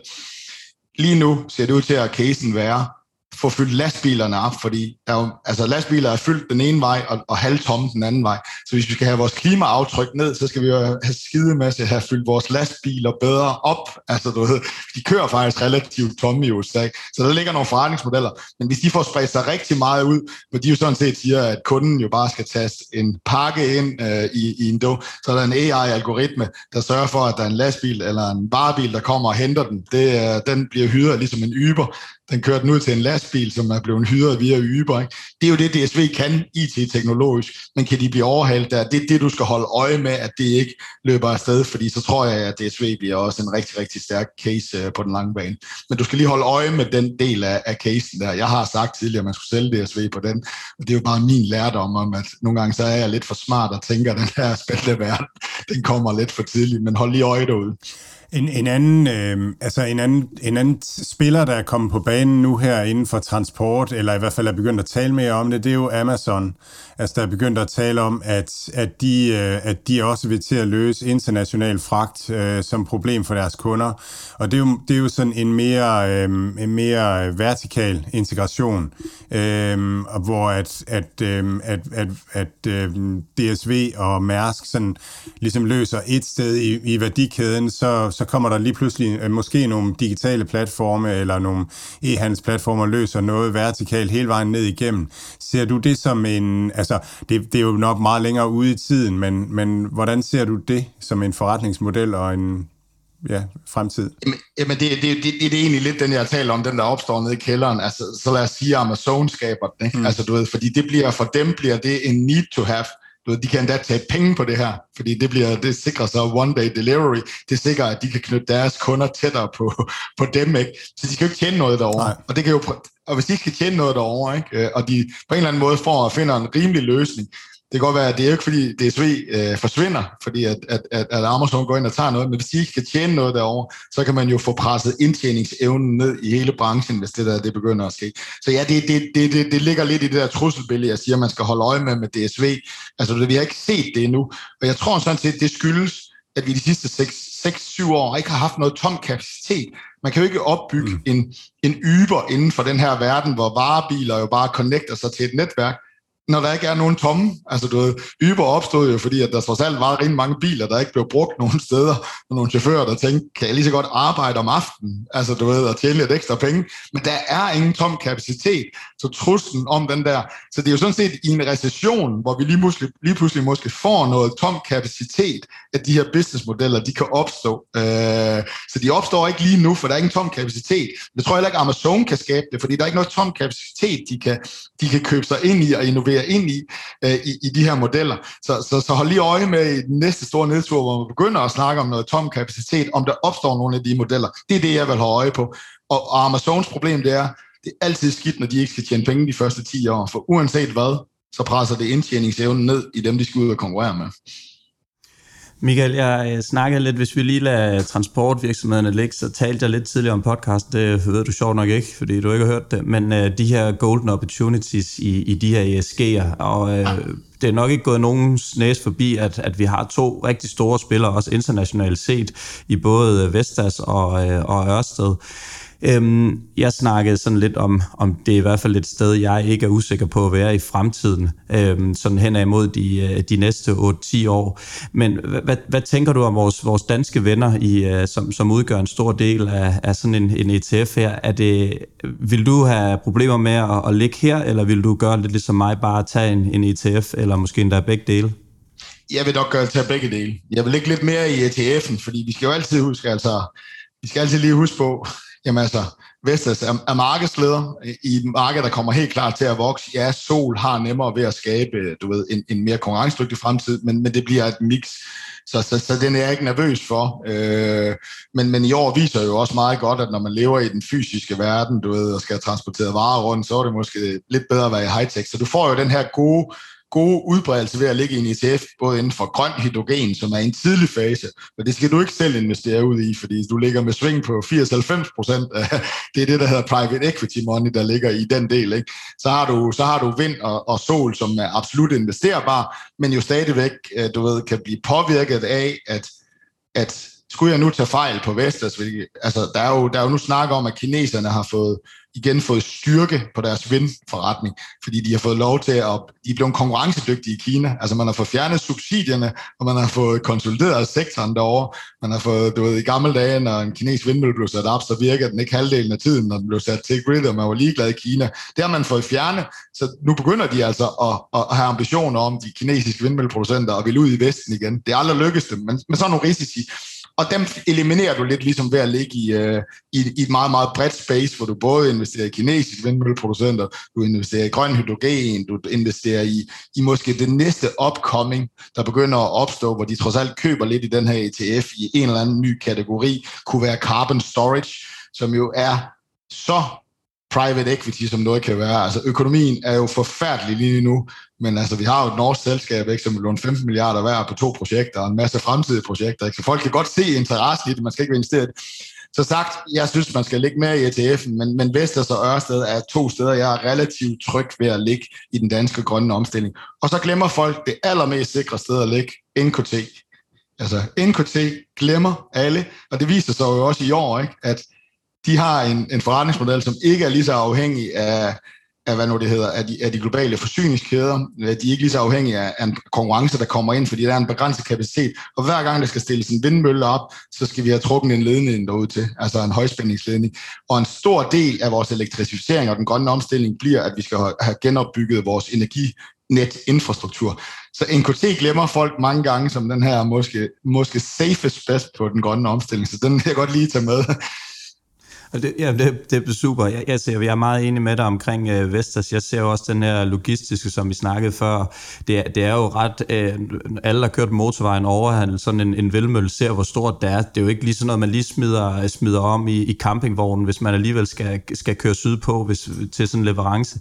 Og, øh, og, og skibe, der skal sejle de her nogle, nogle steder hen over Atlanten og sådan nogle ting. Det er jo ufatteligt dyrt, og, og der, der løber man måske også ind i et problem på et eller andet tidspunkt med at sige, at det her det bliver udbredt, men kan de levere nok, og er omkostningerne for høje til at sætte solpaneler op, eller et, et nyt helt øh, produkt X, som, som måske ikke er kommet på markedet nu. Det er i hvert fald det, som jeg tænker på, hvis vi har de helt lange briller på, når jeg snakker 8-10 år, som, som nævnt før. Hvordan tænker du om det? Jamen, jeg, jeg tænker, at, at du ved, at vi skal bare tænke på, at det her det er jo et space, hvor at i den grønne omstilling. Vi har jo været vant til øh, 10-15 år, at, at den store driver i samfundet var digitalisering, som var jo noget, der kan foregå ned inde bag ved en computer, og så skal vi lige bygge nogle datacenter, og så vokser vi 40% på omsætning. Ikke? Det er sådan lidt populært sagt, ikke? uden en omkostningsbase. Ikke noget at gøre med den fysiske verden. Men den grønne omstilling bliver dyr. Det er det, vi ser lige nu med vores energi at det, den er mere, den, den springer meget mere, den er meget, meget sværere, den skal bruge råvarer, den skal bruge materialer, den skal bruge den fysiske verden, den skal bruge arbejdskraft, derfor er den selvfølgelig heller ikke lige så, du sige, skalerbar som, som den digitale verden, til gengæld er den nok mere stabil og meget, meget længere varende, og når, det er bare lige det der, investorerne de skal forstå, der har været i teknologi, som hoppet over i grøn energi, at Ja, jeg kan godt, jeg kan godt hæve prisen med 100% inden for teknologiverdenen, som, som Mads jo elsker. Så næste år så virker aktien lige pludselig billig, fordi de har øget deres bundlinje med 80%. Det kommer ikke til at ske der. Altså, du ved, og det skal investorer jo lige forstå her. Men, men med sådan, det, det korte svar er, yes, alt sammen en frygt, men et faktum, at det kommer til at ske for alle, der skal der skal, der skal, der skal, der skal, at det bliver den fysiske verden, vi skal gøre det her i, og det kommer til at gøre det meget, meget, meget, meget sværere, men ikke desto mindre, tror jeg stadigvæk, der vil være enorme indtjeningsmuligheder, fordi at rentes, rente, rente, altså husk det der mest øh, kraft. Og, og den her grønne omstilling er jo en 30-årig case, så du kan jo gange tage Vestas omsætning, og så kan du sige 1,05, 1,03, 1,10. Og prøv at fremskrive de her, for når du fremskriver det med 30 år, og vi er så overbevist om det her, så er der jo værdiskabelser der, som man slet ikke kan fatte på nuværende tidspunkt. Og det er jo min øh, tese. øh, Hvordan med, øh, hvis du lige tager de to selskaber, altså Vestas og Ørsted, sådan, sådan specifikt øh, nu her. Øh, Vestas har fået nogle, nogle klø. Ørsted ved jeg faktisk ikke, hvor, hvor ligger, men, men hvad, hvad, hvad, bliver sådan, øh, hvad bliver vigtigt at holde øje med på, på kort sigt og, øh, og, og på lang sigt? Altså jeg kan godt lide det der med at tænke den langsigtede case, den har vi sådan talt om men så lige også tænke over, hvad, hvad ser man ind i nu her på relativt kort sigt, på, på et halvt års sigt? Jamen, I Vester så er det jo lidt med at, at, at, at få indstillet dine forventninger. Jeg har en forventning om, at Q4, der tjener de stort set ikke nogen penge. det gør de muligvis heller ikke i Q1. Q2 begynder at blive lidt bedre, men altså, du ved godt med et aktiemarked, der har seks måneders synspunkter, begynder at se sådan nogle regnskaber. Oh, I know. Altså, I know. Do you know it? Ja. Uh, hvad, hvor, hvor, brace, altså, hvor, vi kan godt alle sammen snakke om den langsigtede case, og der vil også være store fonde, der ligger og investerer ind i Vestas, men hvor meget modstand møder det. Så det skal du bare indstille dig på som investor. Det her er ikke en case, hvor verden lige pludselig bliver bedre i de kommende kvartaler for dem. Du køber den for the long run, øh, og så skal du holde øje med kineserne. Hos Ørsted, der er det meget, meget simpelt, ikke? at der er en stor negativ case, og den er cirka nede 30 procent i år. Det er, at de store olieselskaber, de skal flytte penge over i det her, altså i det her område, og skal gøre det med lavere afkastkrav, og det presser ligesom Ørsteds afkast øh, lidt ned, og det gør, at Ørsted ikke vinder nogle projekter. Og der er en 3-4-5 kæmpe store projekter her i efteråret, øh, hvor de er i konkurrence, hvor de selv har sagt, at de er rimelig optimistiske på det her. Og hvis de vinder nogle af dem, så får den jo lidt stryg den her du ved, negativitet, der har været om, omkring øh, Ørsted. Så det er det, du skal holde øje med. Det er der, hvor de igen skal genvinde en eller anden investor, du kan sige, de har tabt lidt på en ny topchef, hvor den tidligere var så stærk et kort. De har tabt lidt på, at de har ikke vundet nogle projekter, hvor, hvor man kan se, at olieselskaberne har gået ind. Og, og faktum er jo bare, at spacet er sandsynligvis så stort, at det ikke er et problem, og, og at, du ved, at deres havkoncessioner, altså de har havbund til at stille det op på, gør, at de vinder ting og så videre. Og nej, de bliver ikke lige så stor, altså de bliver ikke lige så markedsledende i fremtiden, men 10% af et marked, der måske er 40-doblet, er også rigtig godt. Så det er den lange case, og det er her, du kan få det bevist, det her, at du kan forvente stemningen i Ørsted-aktien. Fordi lidt ligesom med Vestas, så tror jeg, at mange har, har troet, at de bare går ind i Ørsted, og så vokser indtjeningen. Men frem til 2025, der ligger de nogenlunde på den her indtjeningsniveau. Det er først for 25 år frem efter, at nogle af de nye projekter begynder at komme ind. Og det er det her kraften af indtjeningsvækst. Ikke? Vi kender den alle sammen frem for at ligge i den lange case og forstå det. Men Ørsted, klart hold øje med, at de vinder nogle af de her udbud, som de er i konkurrence i her efterår. Det er det, der skal vende stemningen, altså den negative stemning, det der har presset aktien ned i år. Men du vil måske, hvis, hvis du skulle øh, med, med hvad nu, pistolen for, for panden og skulle vælge en, så vil du måske allerhelst pege på NKT, eller hvad? Ja. Okay. Kommende år. Ja. Det, det, det, det er mit, det er mit uh, safe grønne bet. Det, det er dit bet. altså, du det, det er, der er knap, måske knap så stor, og, altså, der er knap så stor teknologisk leadership der, så du kan diskutere den langsigtede case, men på den korte bane, så er vi i gang med at. Altså, vi, vi skal i gang nu, øh, både med vindmøller og alt det der. Vi skal i gang med det der, og der er et begrænset antal fabrikker. Altså, der er en kapacitetsbegrænsning på at kunne give de her kabler. Jeg tror fuldstændig, man undervurderer, du ved, hvor, hvor en god margin de her kabelproducenter egentlig kan få på sådan en mellemsigt. Så du ved, det er mit safe bet. Men så kan vi jo diskutere på den lange bane. Altså, Selvfølgelig så højteknologisk er det heller ikke. Er der andre, der kan bygge fabrikker og så videre, og det er der nok, øh, du ved. Så, så det vil normalisere sig lidt igen, men den vil have den samme stærke toplinjekraft. Så ja, det er der, hvor jeg sådan set, du ved, føler mig tryg ved at ligge i 2022. Ikke på grund af min lange sigt, men fordi at jeg gider ikke altid, altså jeg har Vestas, jeg har Ørsted, men jeg har mest NKT, fordi at jeg foretrækker også en gang imellem ikke at pisse i modvind, ikke? altså du ved, alt for meget. Ikke? Så det er, det er nok den, jeg highlighter som, som et godt kald. Og den er selvfølgelig ikke lige så, åh, den er ikke nede med 30% i år, den der, du ved, animal feeling spirit, private investorer har. De vil hellere købe det, end noget, der går, går godt.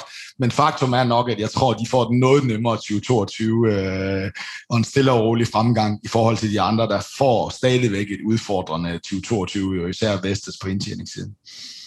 Og hvis man øh, ikke kun vil nøjes med, med sushi i buffeten, men tager hele paletten med, så øh, den her øh, ETF, jeg snakker om, som hedder INGR, den ja. tror både handles i London i US dollar og i Milano i euro og, og så videre, så man kan komme ud uden at skulle øh, vækse sine penge om mere forskellige, og den er, så vidt jeg ved, også øh, USITS øh, certificeret, øh, hvis, jeg ikke, øh, hvis jeg ikke husker helt det forkert. Den. Det er den. Ja, så fik vi slået det fast. Og øh, Michael, vi skal lige lidt videre, og vi går, øh, vi går til fri, fri leg på, øh, på, på dansegulvet. Vi vil gerne lige høre lidt om nogle andre danske aktier. Er der noget, du sådan, som specielt har, har fanget din opmærksomhed her på det seneste, som du gerne lige vil, vil tale lidt om? Jamen altså, du ved, kigger jeg ind i, øh, og så snakker vi lidt om at pisse i modvind, ikke? Altså, fordi det kan jeg jo stadigvæk godt lide, og derfor begynder jeg at det ligge på, øh, på min observationsliste. Altså, noget af det, der har fanget mig, det er jo det er, det er nok øh, uh, GN. Ikke? Altså, den er jo virkelig blevet fanget i en nedadgående spiral. Ikke? Og, og, og du ved, jeg, altså, jeg ligger ikke med den, fordi jeg ligger med en kæmpe formue i, i Plantronics, som er modparten derovre. Men hvis man nu siger, Jeg er lidt utryg ved små amerikanske aktier. Så, så, så GN, store problem for GN, det er jo, at den her audioforretning, som, som jo har været en kæmpe vækstdriver, har, har stoppet op på grund af chipsen. Altså du ved, på grund af chipsmangel. Ikke? Øh, men den kommer tilbage på sporet i, i løbet af 2022 i hvert fald. Det tror jeg så også Plantonic gør, som jeg, som jeg så holder rigtig meget af. Så er der en lille bitte skuddermudder omkring, øh, de kom lidt bagefter i hearing, og det tror jeg, der er rigtig mange institutionelle, der sælger ud nu, at du ved, at at med en ny CEO, og de kom bagefter i, øh, i, i udviklingskapløbet, altså de blev forsinket med nogle projekter, og det er rigtig, rigtig dyrt i, i sådan en, en, en høreapparatsverden, ikke? Øh, så jeg kan sagtens se, at der fortsat er noget pres blandt nogen, der kører den der negative del af casen. Men faktum er, at vi får et OTC-marked, altså over-the-counter-marked, og GN har, du kan sige, alle de store, William, som man hører det mand, så siger de, det kommer ikke til at ændre noget, for de har ikke rigtig nogen mulighed, fordi hvis de begynder at gå ind i det her marked, så begynder de jo at pille deres høje marginer ned. Men GN har det her med, at de kan spille via Jabra, altså som er deres headset, øh, segment, der kan de begynde at spille i det her, uden du ved, at, at, at, at misse måske muligheden for, for stort over-the-counter-marked, som kommer i USA. Så jeg ser, og der har de faktisk allerede et, et udviklet headset, eller et, et høreapparat gående ind i det her lidt billigere, prisbillige over-the-counter-marked. Så det er egentlig bedre beskyttet. Så når jeg kigger på den, kigger på prissætning, som egentlig er, er kommet rigtig, rigtig til at, at, at se rigtig interessant ud i forhold til nogle af de andre spillere, så er det en af de der steder, jeg ligesom har kigget hen. Men det er jo pæst lidt imodvendigt nu, for jeg tror, nogle af de store har set sig rigtig sure på, at de kom lidt, øh, at de har mistet lidt, øh, at de har måttet nedjustere også i hearing, altså i deres høreapparatsdel, fordi at de kom bagefter med, øh, med deres udviklingsplan, og det er rigtig dyrt derinde. Og det er så noget, de store, de sidder og kigger på overretter det til Harper og så videre. Så der kan sagtens være mere negativ momentum, og Q4 bliver heller ikke specielt godt. Der er stadigvæk en lille bitte smule risiko for, at i deres audio-del, at der mangler nogle chips, så de ikke helt kan følge med på den korte bane, og måske er der en nedjustering mere.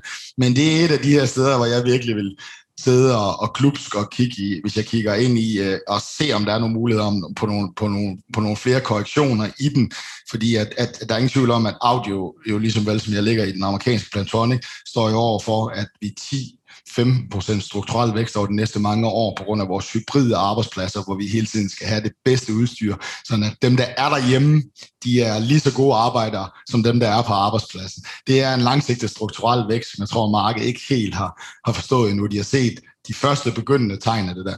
Så det er en af dem, jeg ligesom begynder at se på. Og den anden, det er Lundbæk, jo verdens mest forhatte aktier, noget, der ikke kan komme nogen steder hen det er jo, at hvis man endelig så det her regnskab, det man har let efter matematisk, det var, at de har, de har haft negativ vækst, og folk ved ikke, hvad de skal med der frem mod 2025 på deres pipeline.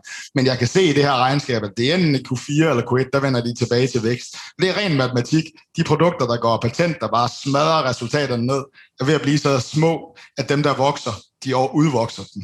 Så du ved, det er poweren af, af, af indtjeningsvending, det der sker der. Der er flere store banker, der kører på den. Vi har ikke løst deres 2025 problemer, så om det holder aktien igen, og så er den relativt billig. Så det er nogle af de her, sådan, man kan prøve at følge. Øh, det er lidt pis i modvind, og det kan man jo selv prøve med Lundbæk. Folk har jo kaldt den billigere køb i de sidste to og et halvt år. Der er ikke nogen, der har vil røre ved den her aktie. Men nu kommer der altså en vending. Det kan jeg se matematisk i deres regnskab. Og det var jo også en aktie, der startede lidt nede og stille og roligt, som folk de fik læst regnskaberne igennem i dag. Kan de jo godt se, at den case om, at nu vender det til positiv vækst hos dem. Måske ikke i Q4, men i Q1 øh, at den er der. Om den så er stærk nok til at fjerne, du ved, sådan 2025 problem, problemstillingerne. Men det var det, jeg læste i regnskaberne.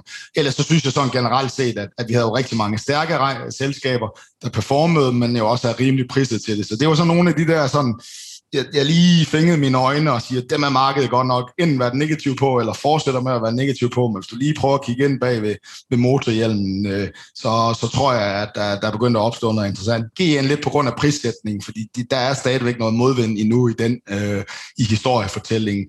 Lundbæk, fordi der muligvis er en vending.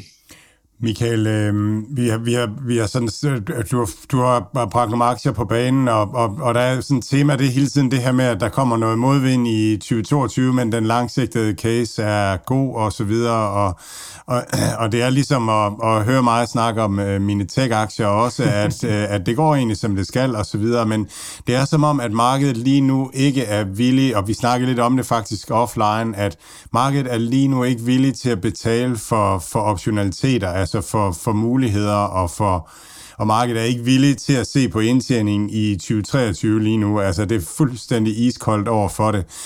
Kunne du prøve at snakke lidt om, hvordan, hvad, hvad, hvad skyldes det, og, og hvor lang tid tror du, øh, det kommer til at vare?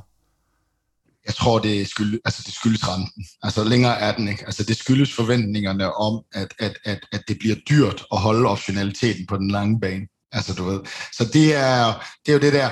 Og jeg tror uanset, at jeg ikke nødvendigvis er, altså jeg er ikke en af dem, der tror på stagflation, at renterne skal bare tæske op af næste år, fordi vi skal ud og redde vores verden osv., men de kommer til at tikke opad.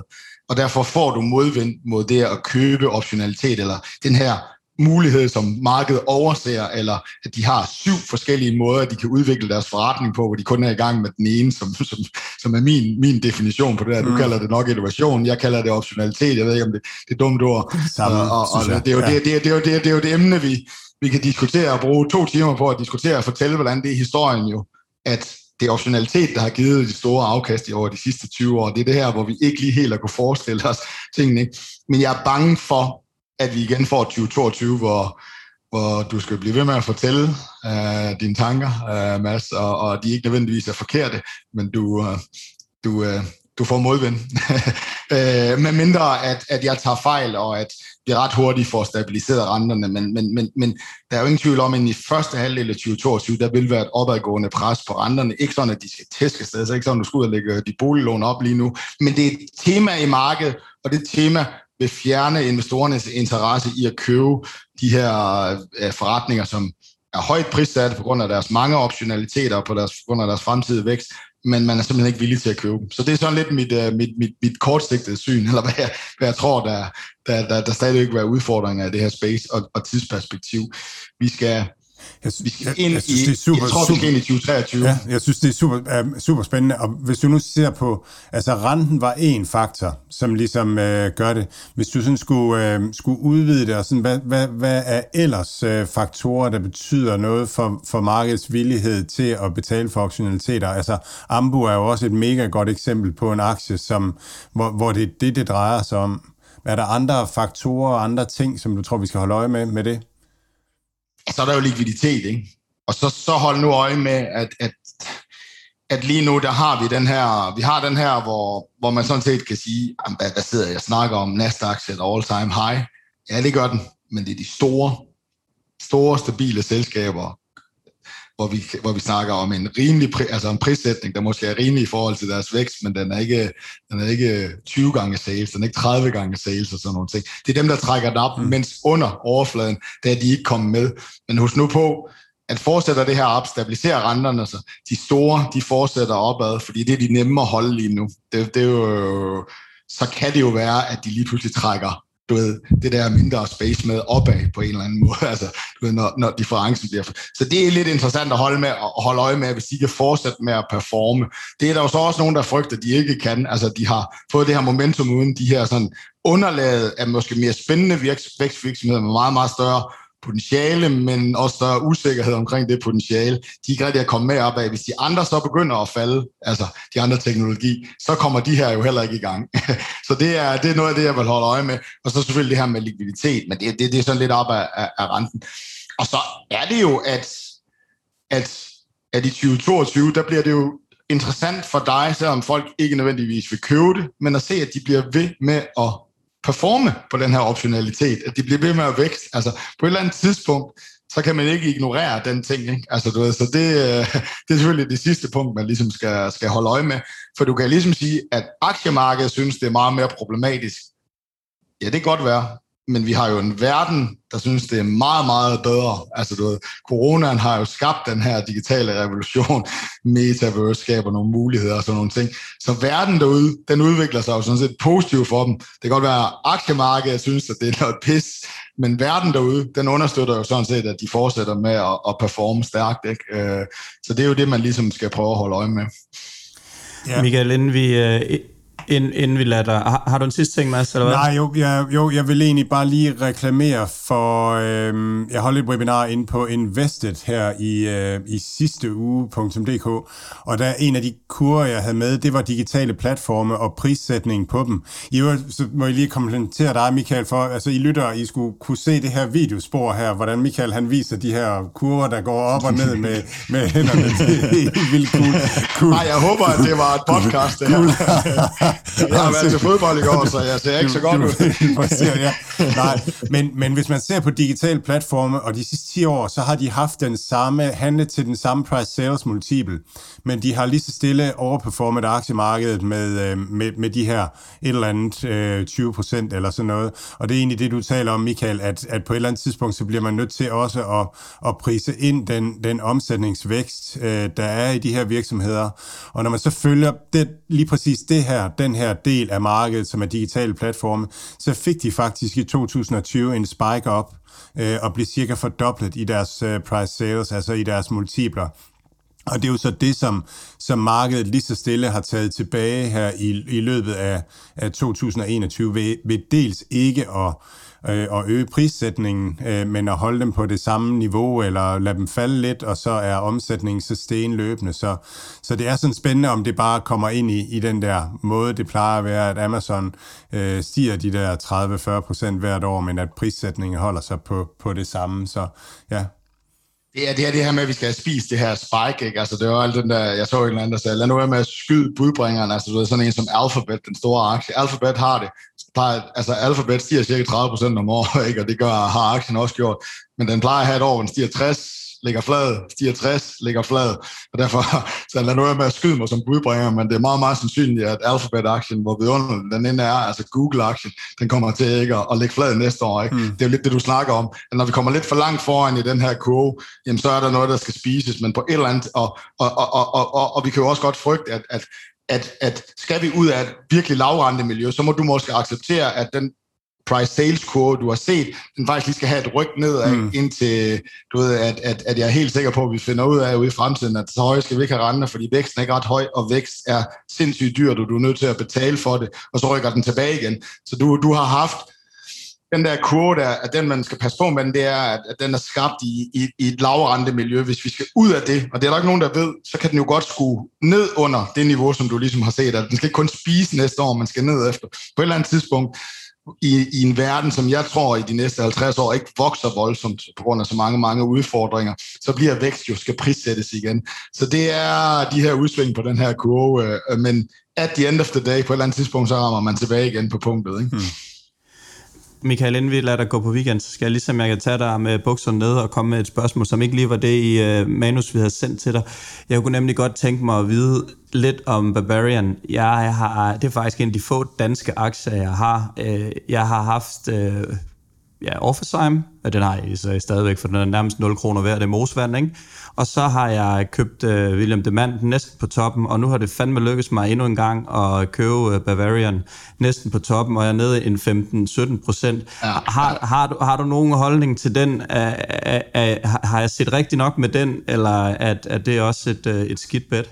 Jamen altså, det er jo, det er jo lige på den korte bane er det jo lidt et biotech-bet ind på de her covid-19 øh, fase 2-data. Altså fase 1 og, og 2A var jo rigtig stærke, så, så det, det der er jo mulighed for, at, at der igen skal købes ind på. Du ligger også i en aktie, der er lidt shorte, fordi historisk har de jo ikke performet særlig stærkt, når de skulle ud med store produkter.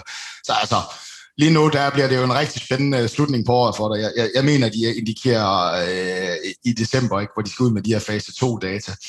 Og så det andet, man skal, man skal overkomme med, det er jo det her, de her nye piller med Pfizer's meget, meget stærkere pille. Skal vi overhovedet bruge en boostervaccine? Og der vil jeg sige, der tror jeg, du har set rigtigt. Altså hvis de kommer igennem med det her projekt, fordi Moderna var nok ude at sige det aller, allerbedste. Jeg ved selvfølgelig godt, de har lidt en interesse. Det er lidt ud at sige, øh, øh, at forestil jer, at det her boostermarked, det bliver ligesom influenza. Over de næste 10-15 år, så skal vi sandsynligvis have 700 millioner doser. Altså alle svage, den svagelige gruppe skal have en booster vaccine hver år på corona.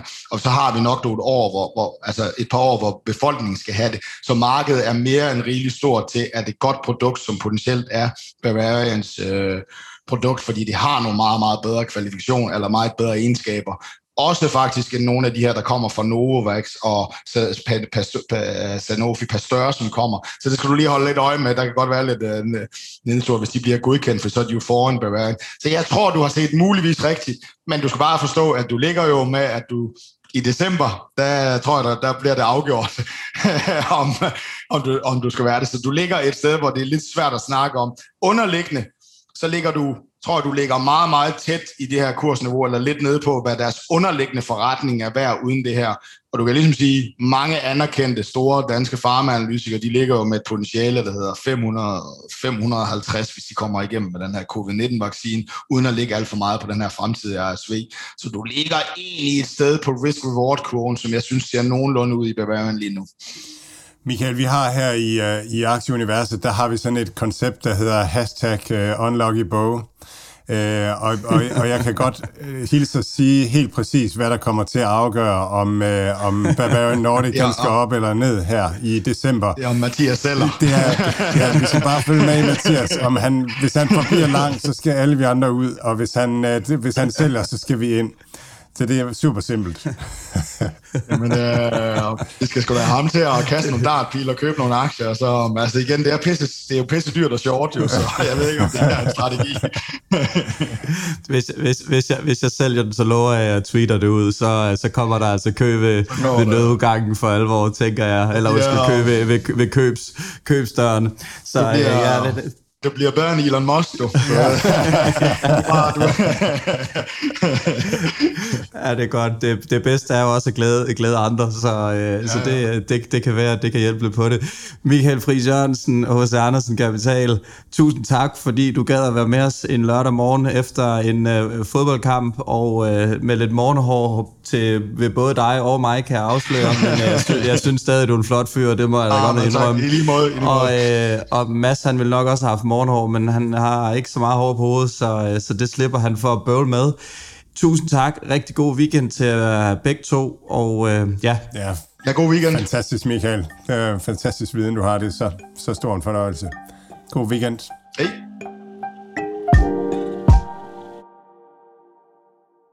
Alt, hvad Mads, Mathias og deres gæster siger, er deres egne meninger. Det er ikke finansiel rådgivning. Denne podcast er udelukkende ment som information og skal ikke bruges til at lave beslutninger om investeringer. Mads, Mathias og kunder i New Deal Invest kan have positioner i de virksomheder, der tales om i podcasten.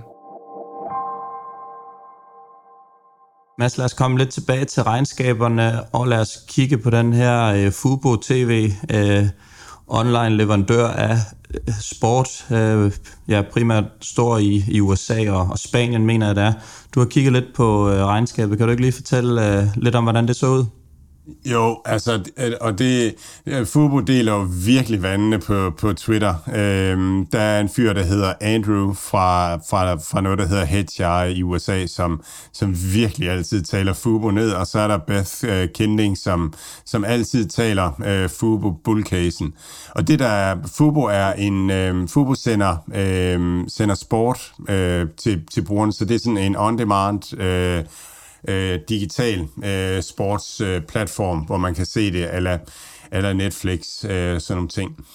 Øhm, og, og det der er med det, det er, at, at Fubo taber penge på hver bruger, de har øh, i øjeblikket. Så Andrew han siger, at fedt nok, at de fik øh, 100, var det 187.000 nye brugere, det vil sige, at de taber bare endnu flere penge. øh, og, og Beth, hun ser sådan øh, den, det lange perspektiv i det. Men, men hvis man lige prøver at kigge på, hvad er det, hvad er det Fubo egentlig bygger, så, øh, så vil de rigtig gerne lave det her sted, hvor man oplever øh, sports, øh, sports tv, øh, og oplever det på en ny måde. Så de bygger noget betting ind over det, de bygger noget, noget chat og noget gamification øh, ind i det. Øh, så, så de vil gerne lave det til sådan en helt samlet oplevelse. Ligesom vi ser Netflix prøve at gøre nu her med, med at de også bygger spil omkring og, og så videre, og udvider øh, oplevelsen til nogle andre vertikaler. Og det man rent faktisk ser ske, det er, at folk de ser vanvittigt meget sport, når de er Fubo-brugere, øhm, og, og, og er meget derinde. Øhm, og, så, og, så, og det betyder, at man kan tjene flere reklamepenge på det. Øh, og det, at det er digitalt, det betyder også, at man kender, ved mere om forbrugerne, man kan registrere, hvilke reklamer de kommer til at interagere med, og så videre, så videre ned ad vejen. Så, øh, så man er i gang med at bygge den her next generation måde at, at se tv på, og opleve tv, opleve sport. Øhm, og der er man bare helt i, i et helt, helt tidligt stadie. Og jeg elsker at lytte til dem, fordi de er så innovative. Altså, de har så mange idéer og tanker om ting, de skal, skal prøve af og så videre.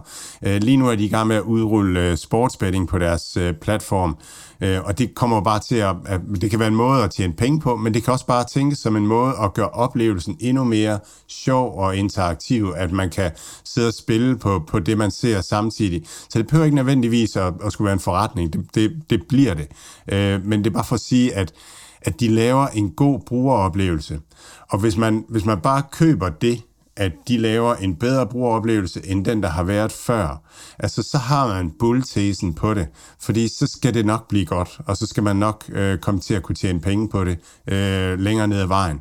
Men, men hvis man så øh, vender tilbage til ham Kahoot-founderen, der så siger, at alle de der analytikere, de forstår simpelthen ikke, hvad det er, vi laver.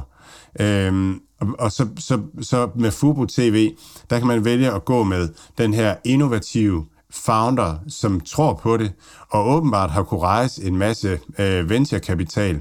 Og selvom at alle, alle analytikerne, virkelig alle de fonde, som kigger tal, de synes, det er den værste aktie. Altså, de kan simpelthen ikke forstå, at der er nogen, der propper penge i den.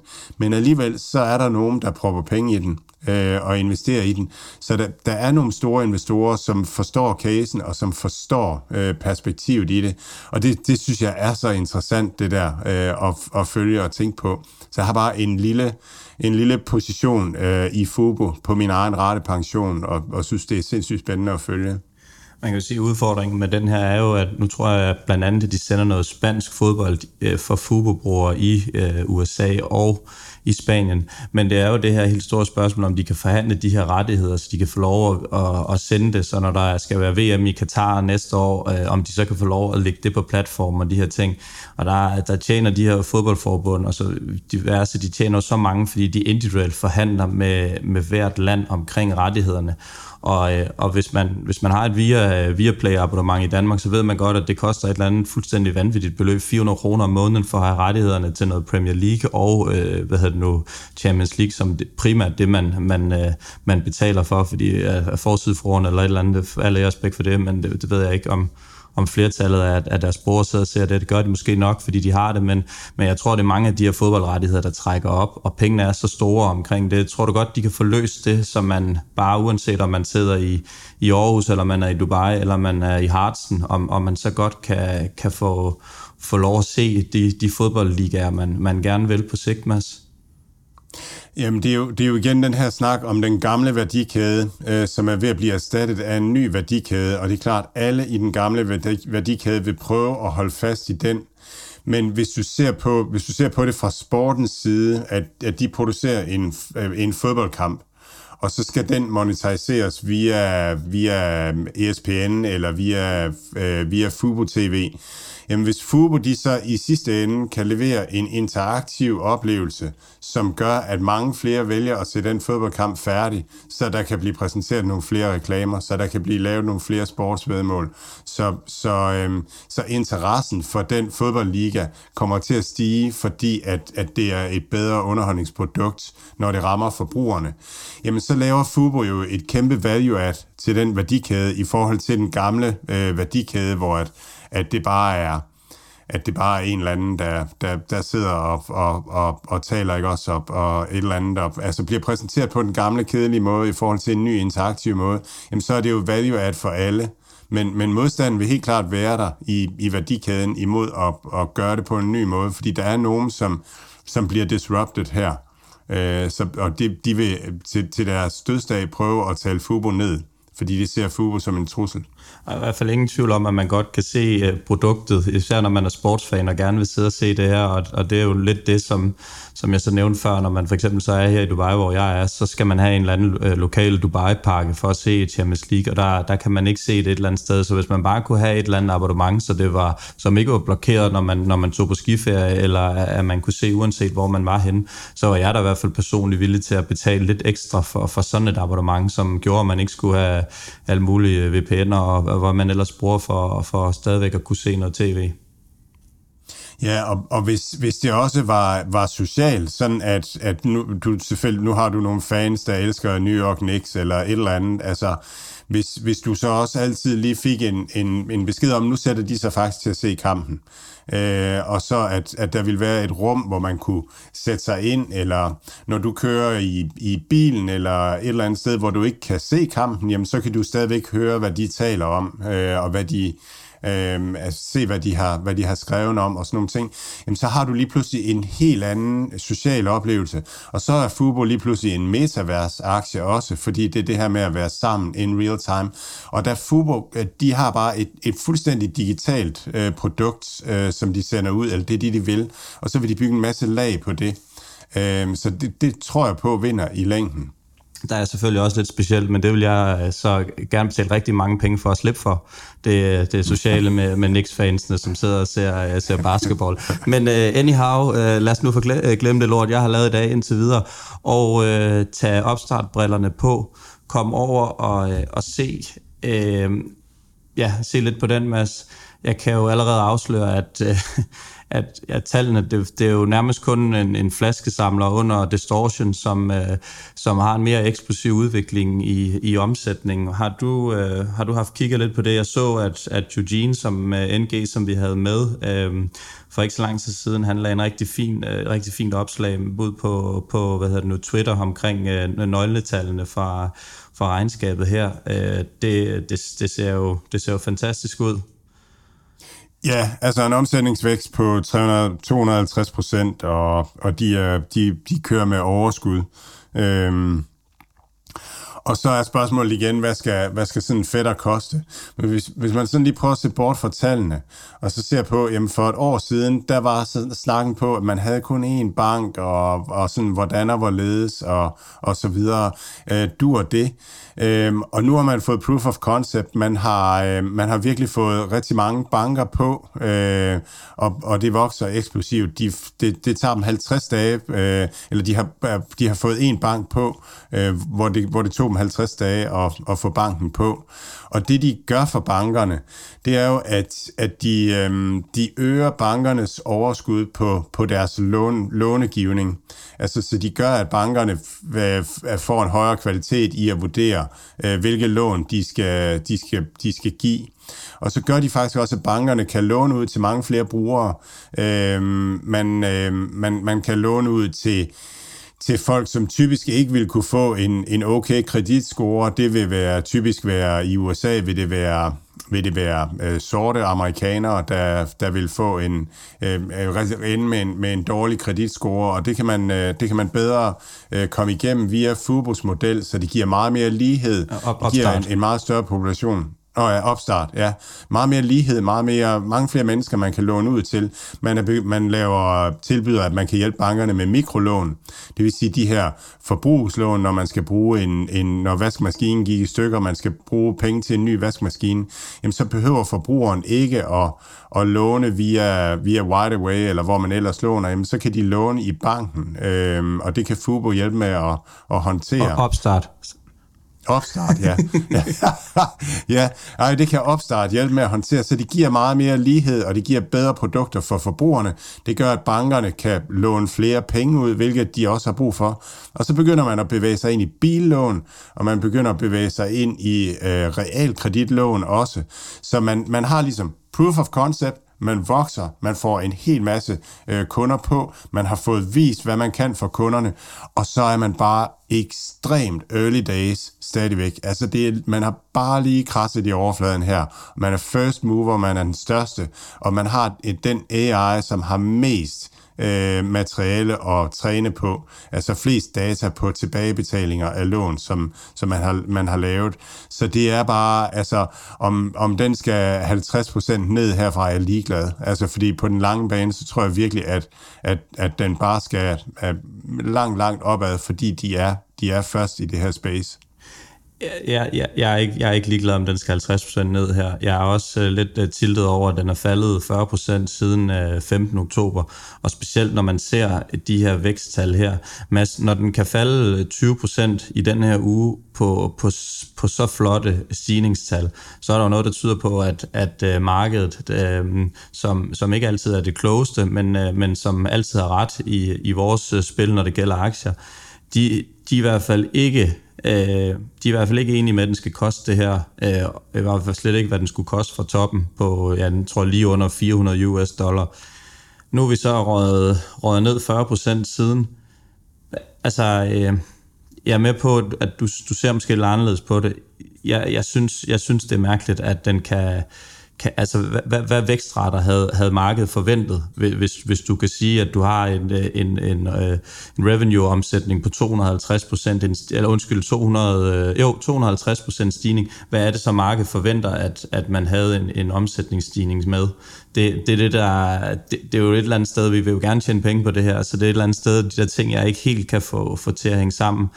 Øhm, og i, i, Jamen, i, i, i, der, til, der er ikke noget svar. Nej, okay. Ja, det, er, det, det er der simpelthen ikke. Altså, det, øh, det, det, altså, der er ingen, der ved, hvad markedet forventede, og der er ingen, der er ingen men det, det er helt vildt svært.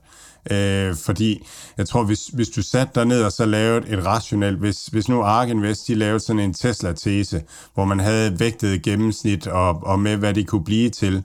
Altså nogle af de der, man kalder det right tail øh, muligheder, altså der, hvor de der, de der, øh, de der øh, 2% scenarier, Øh, hvis du ser på, hvad, hvor, hvad er opstart værd, og hvad er deres omsætning om 10 år, og så tager de 2% mest ekstreme scenarier, så vil de kunne bære en, en væsentlig højere aktiekurs, selvom at, at de 98% næsten var ingenting, fordi det 2% scenarie, det er, det er et eller andet med, at man har lagt hele bankvæsenet ned, og at al långivning i hele verden, det foregår via opstartsplatform, fordi det bare var den første AI-platform, der, der bare stak af og lavede det klart bedste produkt. Og det kommer ikke til at ske. Altså, der er alt mulige regulatoriske, alt muligt hejs og så videre ned ad vejen. Men der er alligevel en chance for det. Og bare den forretning er så sindssygt enormt stor. Så det er derfor, at, at, at jeg tror, hvis man laver sådan en fair value, så tror jeg, man kommer ud med en meget, meget højere værdi øh, for opstart, og det er derfor, jeg siger, at jeg er ligeglad med, hvad, hvad markedet synes her på den korte bane. Altså, jeg er ligeglad med, om, om jeg kommer ind til 2, 3, 400 dollars eller 100 dollars. Altså, det bliver mega, mega god øh, risk-reward alligevel øh, her. Det er, det er jeg helt overbevist om.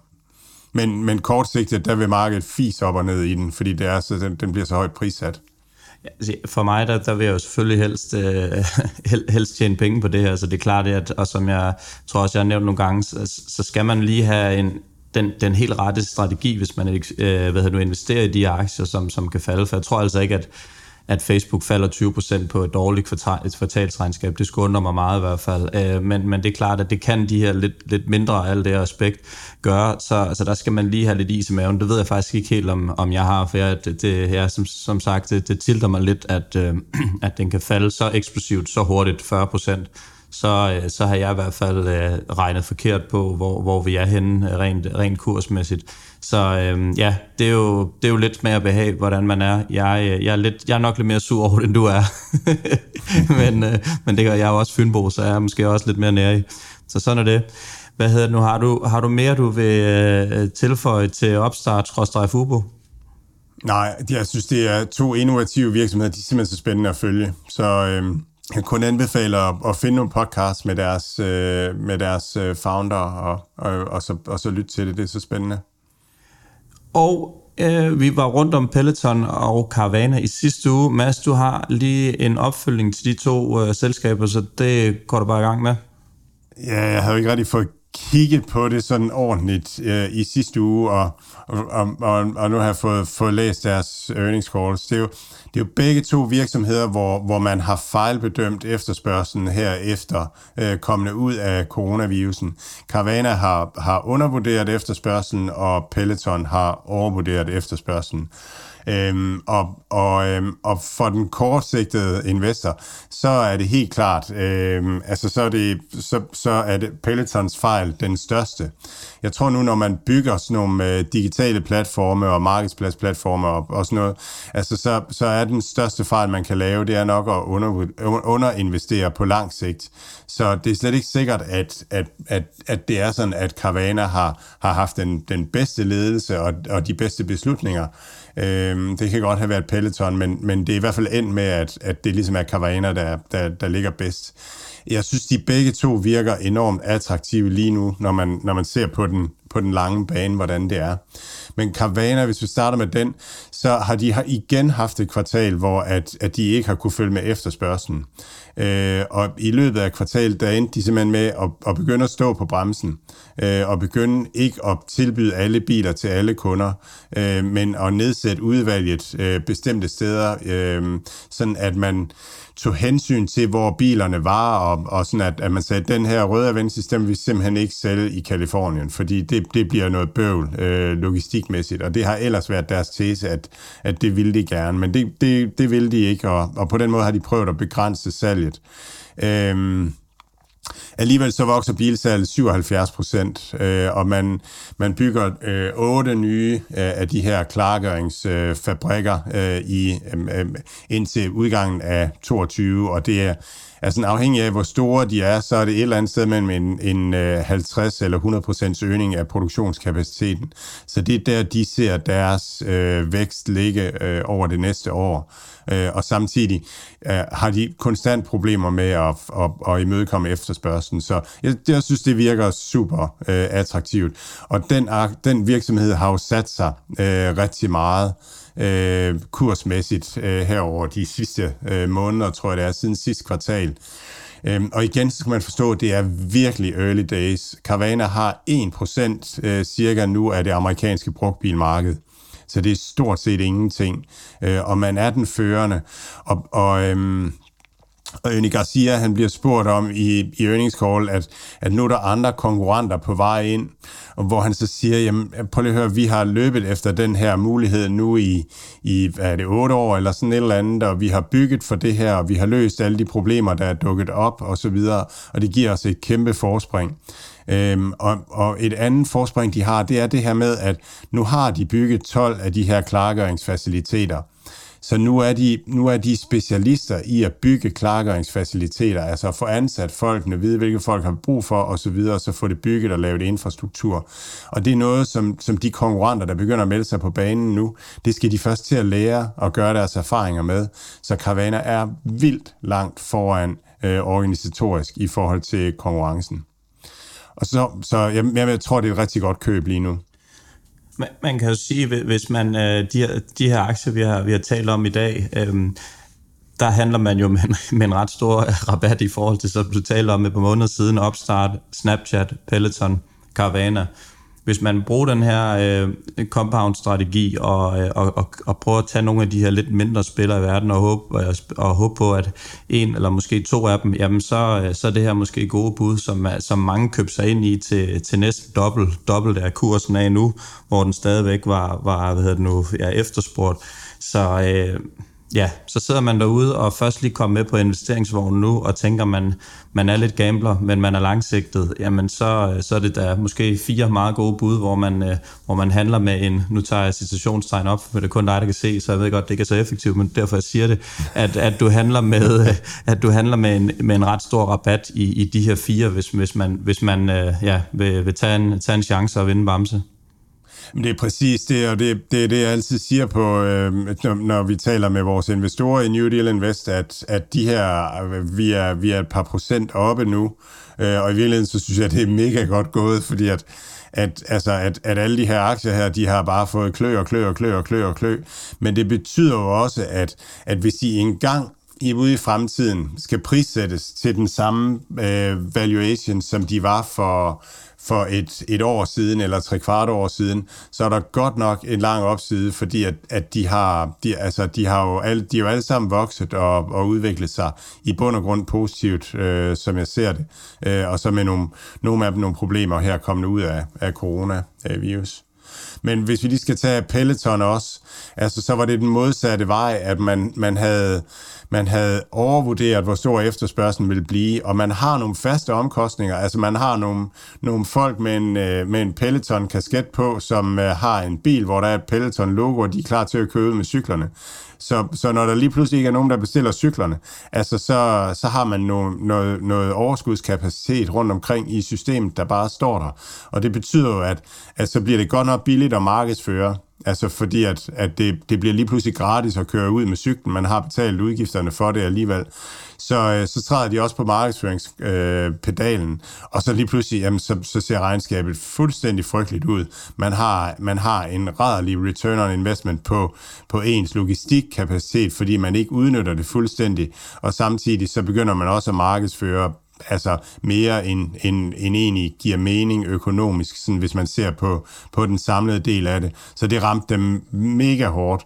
Men igen, så, så tror jeg rigtig meget på, på produktet, som, som vi har været inde på tidligere. Det skal jeg ikke trætte øh, folk med. Øh, men, øh, men så på den måde, så på den lange bane, tror jeg også, man har en, en rigtig god investeringsmulighed nu. Og igen, om den er faldet, det den skal nu og sådan noget, I don't know.